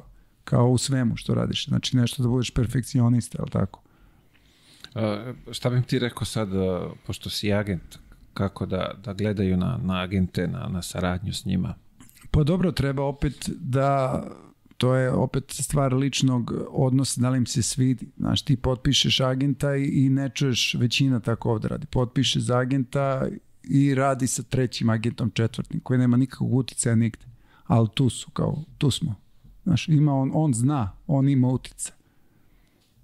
On ima, da, ima utica, ali ekipa ako je tvoj sin, čerka, ajde dobro, u muškom sam sportu, ako je tvoj sin talentovan, on će da napreduje bez obzira kome je agent, samo zavisi kod koga si i treba znači taj čovjek da ti se svidi kad biraš da, da imaš nešto zajedničko sa njim. Jer ako nema tu energije i, i, i nekog osjećanja zajedničkog simpatije, tu neće da bude ni dobra saradnja. Ako je samo čisti materializam. I negde sam skoro čuo dobru formulu. Što se tog uh, saradnje ili partnerstva tiče da uh, ako ne kako beže, ako ako stekneš utisak da bi radio za njega, da ti on bude šef, da je to pravi ovaj dobar, dobar put za saradnju. Kao u fazonu moraš da, a, ono, Odličan bi da ti on dao. bude šef, kao radio bi za Odličan njega, primer si e dao. onda je kao, Jer možda nauči nešto od čoveka. tako je, da. Znaš, Znači, to je, to je neki moraju- parametar za, za te uspešne saradnje partnerstva moraju u zajednički interesi da budu, znaš. Jel sad ja gledam, gledam po sebi, znaš, kad si igrao, pa ono kao zovneš tog nekog menadžera, kao velikog, sad on kao, e, ne zna, niti zna desi, ne zna šta radi. Znači, mora da bude zajednički interes. Isto kad, naš, mene zovu naši igrači, pročitaju to su obično sad ono, neko iz manje ekipe, mislim, sad ja trebam trud i energiju da uložim, ne, niće on da, be, da ima korist neku veliku, niću ja da imam. Ali ja otvoreno ljudima kažem, nije mi interesantno, znaš, da li tvoj sin, nije interesantan, jel, ne, sad da li će onda pređi sloge u čačak, znaš, i završit će na, u Subotici, to mu je karijera, pa nije mi to interesantno, znaš, onda ono, gledaš da napraviš nekome karijeru, znači da, da zaradi igrač i, i ja. Ali i ti slabi igrači isto mogu da, da nađu, znaš, da to drugi ljudi rade. Eto sad imamo čovjeka koji radi pa bavi, ba, bavi se već srpskom ligom igračima unutar ovde i onda gledaš možda neko, znaš, neki put i ja pogrešim, ali tako kao svi grešimo. Naravno. Pa ne možeš da proceniš da li će možda za tri godine iz Čačka Kraljeva odi u inostranstvo i postane ozbiljan igrač. Jasno. A, se desilo nekada da se zaželi od nekog klijenta što nisi... A, Zastupao. Bertanca, Bertance, braću. Aha, aha, aha, okay. Da, da, Kambala, Kambala mi organizuje sastanak u, u Nisi ga shvatio ozbiljno. Ne, ne, organizujem mi sastanak i dođem ja, čekaj, ovaj je Dajnius. I dođem ja u, u Rigu i, ovaj, i sednemo i mali se oduševi, znaš, klinac igra u VEF-u. I kaže, imam ja mlađeg brata, znaš. I kaže, nije mi Ćala ovde, nije mogao dođe, ajde kao dođi za, za Ćala mi se vraća negde radio, ne znam, za dve nedelje. I ja kažem, ok, dolazim ja za mes dana. Eto, i nikad nisam došao. Nisam se vratio, znaš. I onda tek kad je on Čekaj, postao nisi, igrač... nisi ovaj tu, šta je bilo? Nisi Pa neka prepoznao lenjost. neki... Ne, ne, prepoznat, pa neka lenjost. Ne, brata mu nisam ni znao, ono, junior bio dečko, znaš, ono, kadet, baš mlad. Eto to i onda mi to Kambala rekao, kaže, eto vidiš, otišao je NBA, otišao je... Da, eto to je baš uh, sa njim, eto to je, da kažem, Da. Mislim, propuštena, propuštena, propust, propuštena, propušteno, ali dobro, okej, negde propustiš, na drugom mestu dođe, znaš, nemaš, Jasno. Pa dobro, vidi, vratit će se negde. tako je, Vratit tako će je. se negde. Šta su planovi za, za dalje? Za dalje, Tebe, agencije, razvoja? Pa radimo, radimo da budemo prvi, jel tako? Pa razvoj dalje, kažem, koncentrišemo se na, na naše područje malo sada, sa ovom situacijom isto vezano, ovo nam sve funkcioniše u, na, na istoku fenomenalno. Znači, koncentrisamo ćemo se na ovde da se razvijemo i da dobijemo novu decu, nove talente koje ćemo da odvedemo u Euroligu, NBA, kod naših najboljih trenera, jel tako? Da kažemo. Pa, želim vam da, da vam se ti ovaj, Da, moraju da planovi- shvate, znaš, deca ta ne shvataju, ti kad si u, u agenciji, u firmi gde ima 500-600 ljudi, ti si jedan broj onda. Znači ono što sam rekao, menadžer mora ti da mu znaš u lice, da si imaš kontakt sa njim, da se čuješ. I, Znači, ipak je, što bi se reklo, Odnos. mali broj kvaliteta nego tako je. kvantitet. Mi smo kao butik ekskluzivne robe, znaš, ekskluzivne robe. Nismo kao Lidl, ajde, dobro, nećemo nazive, izvini.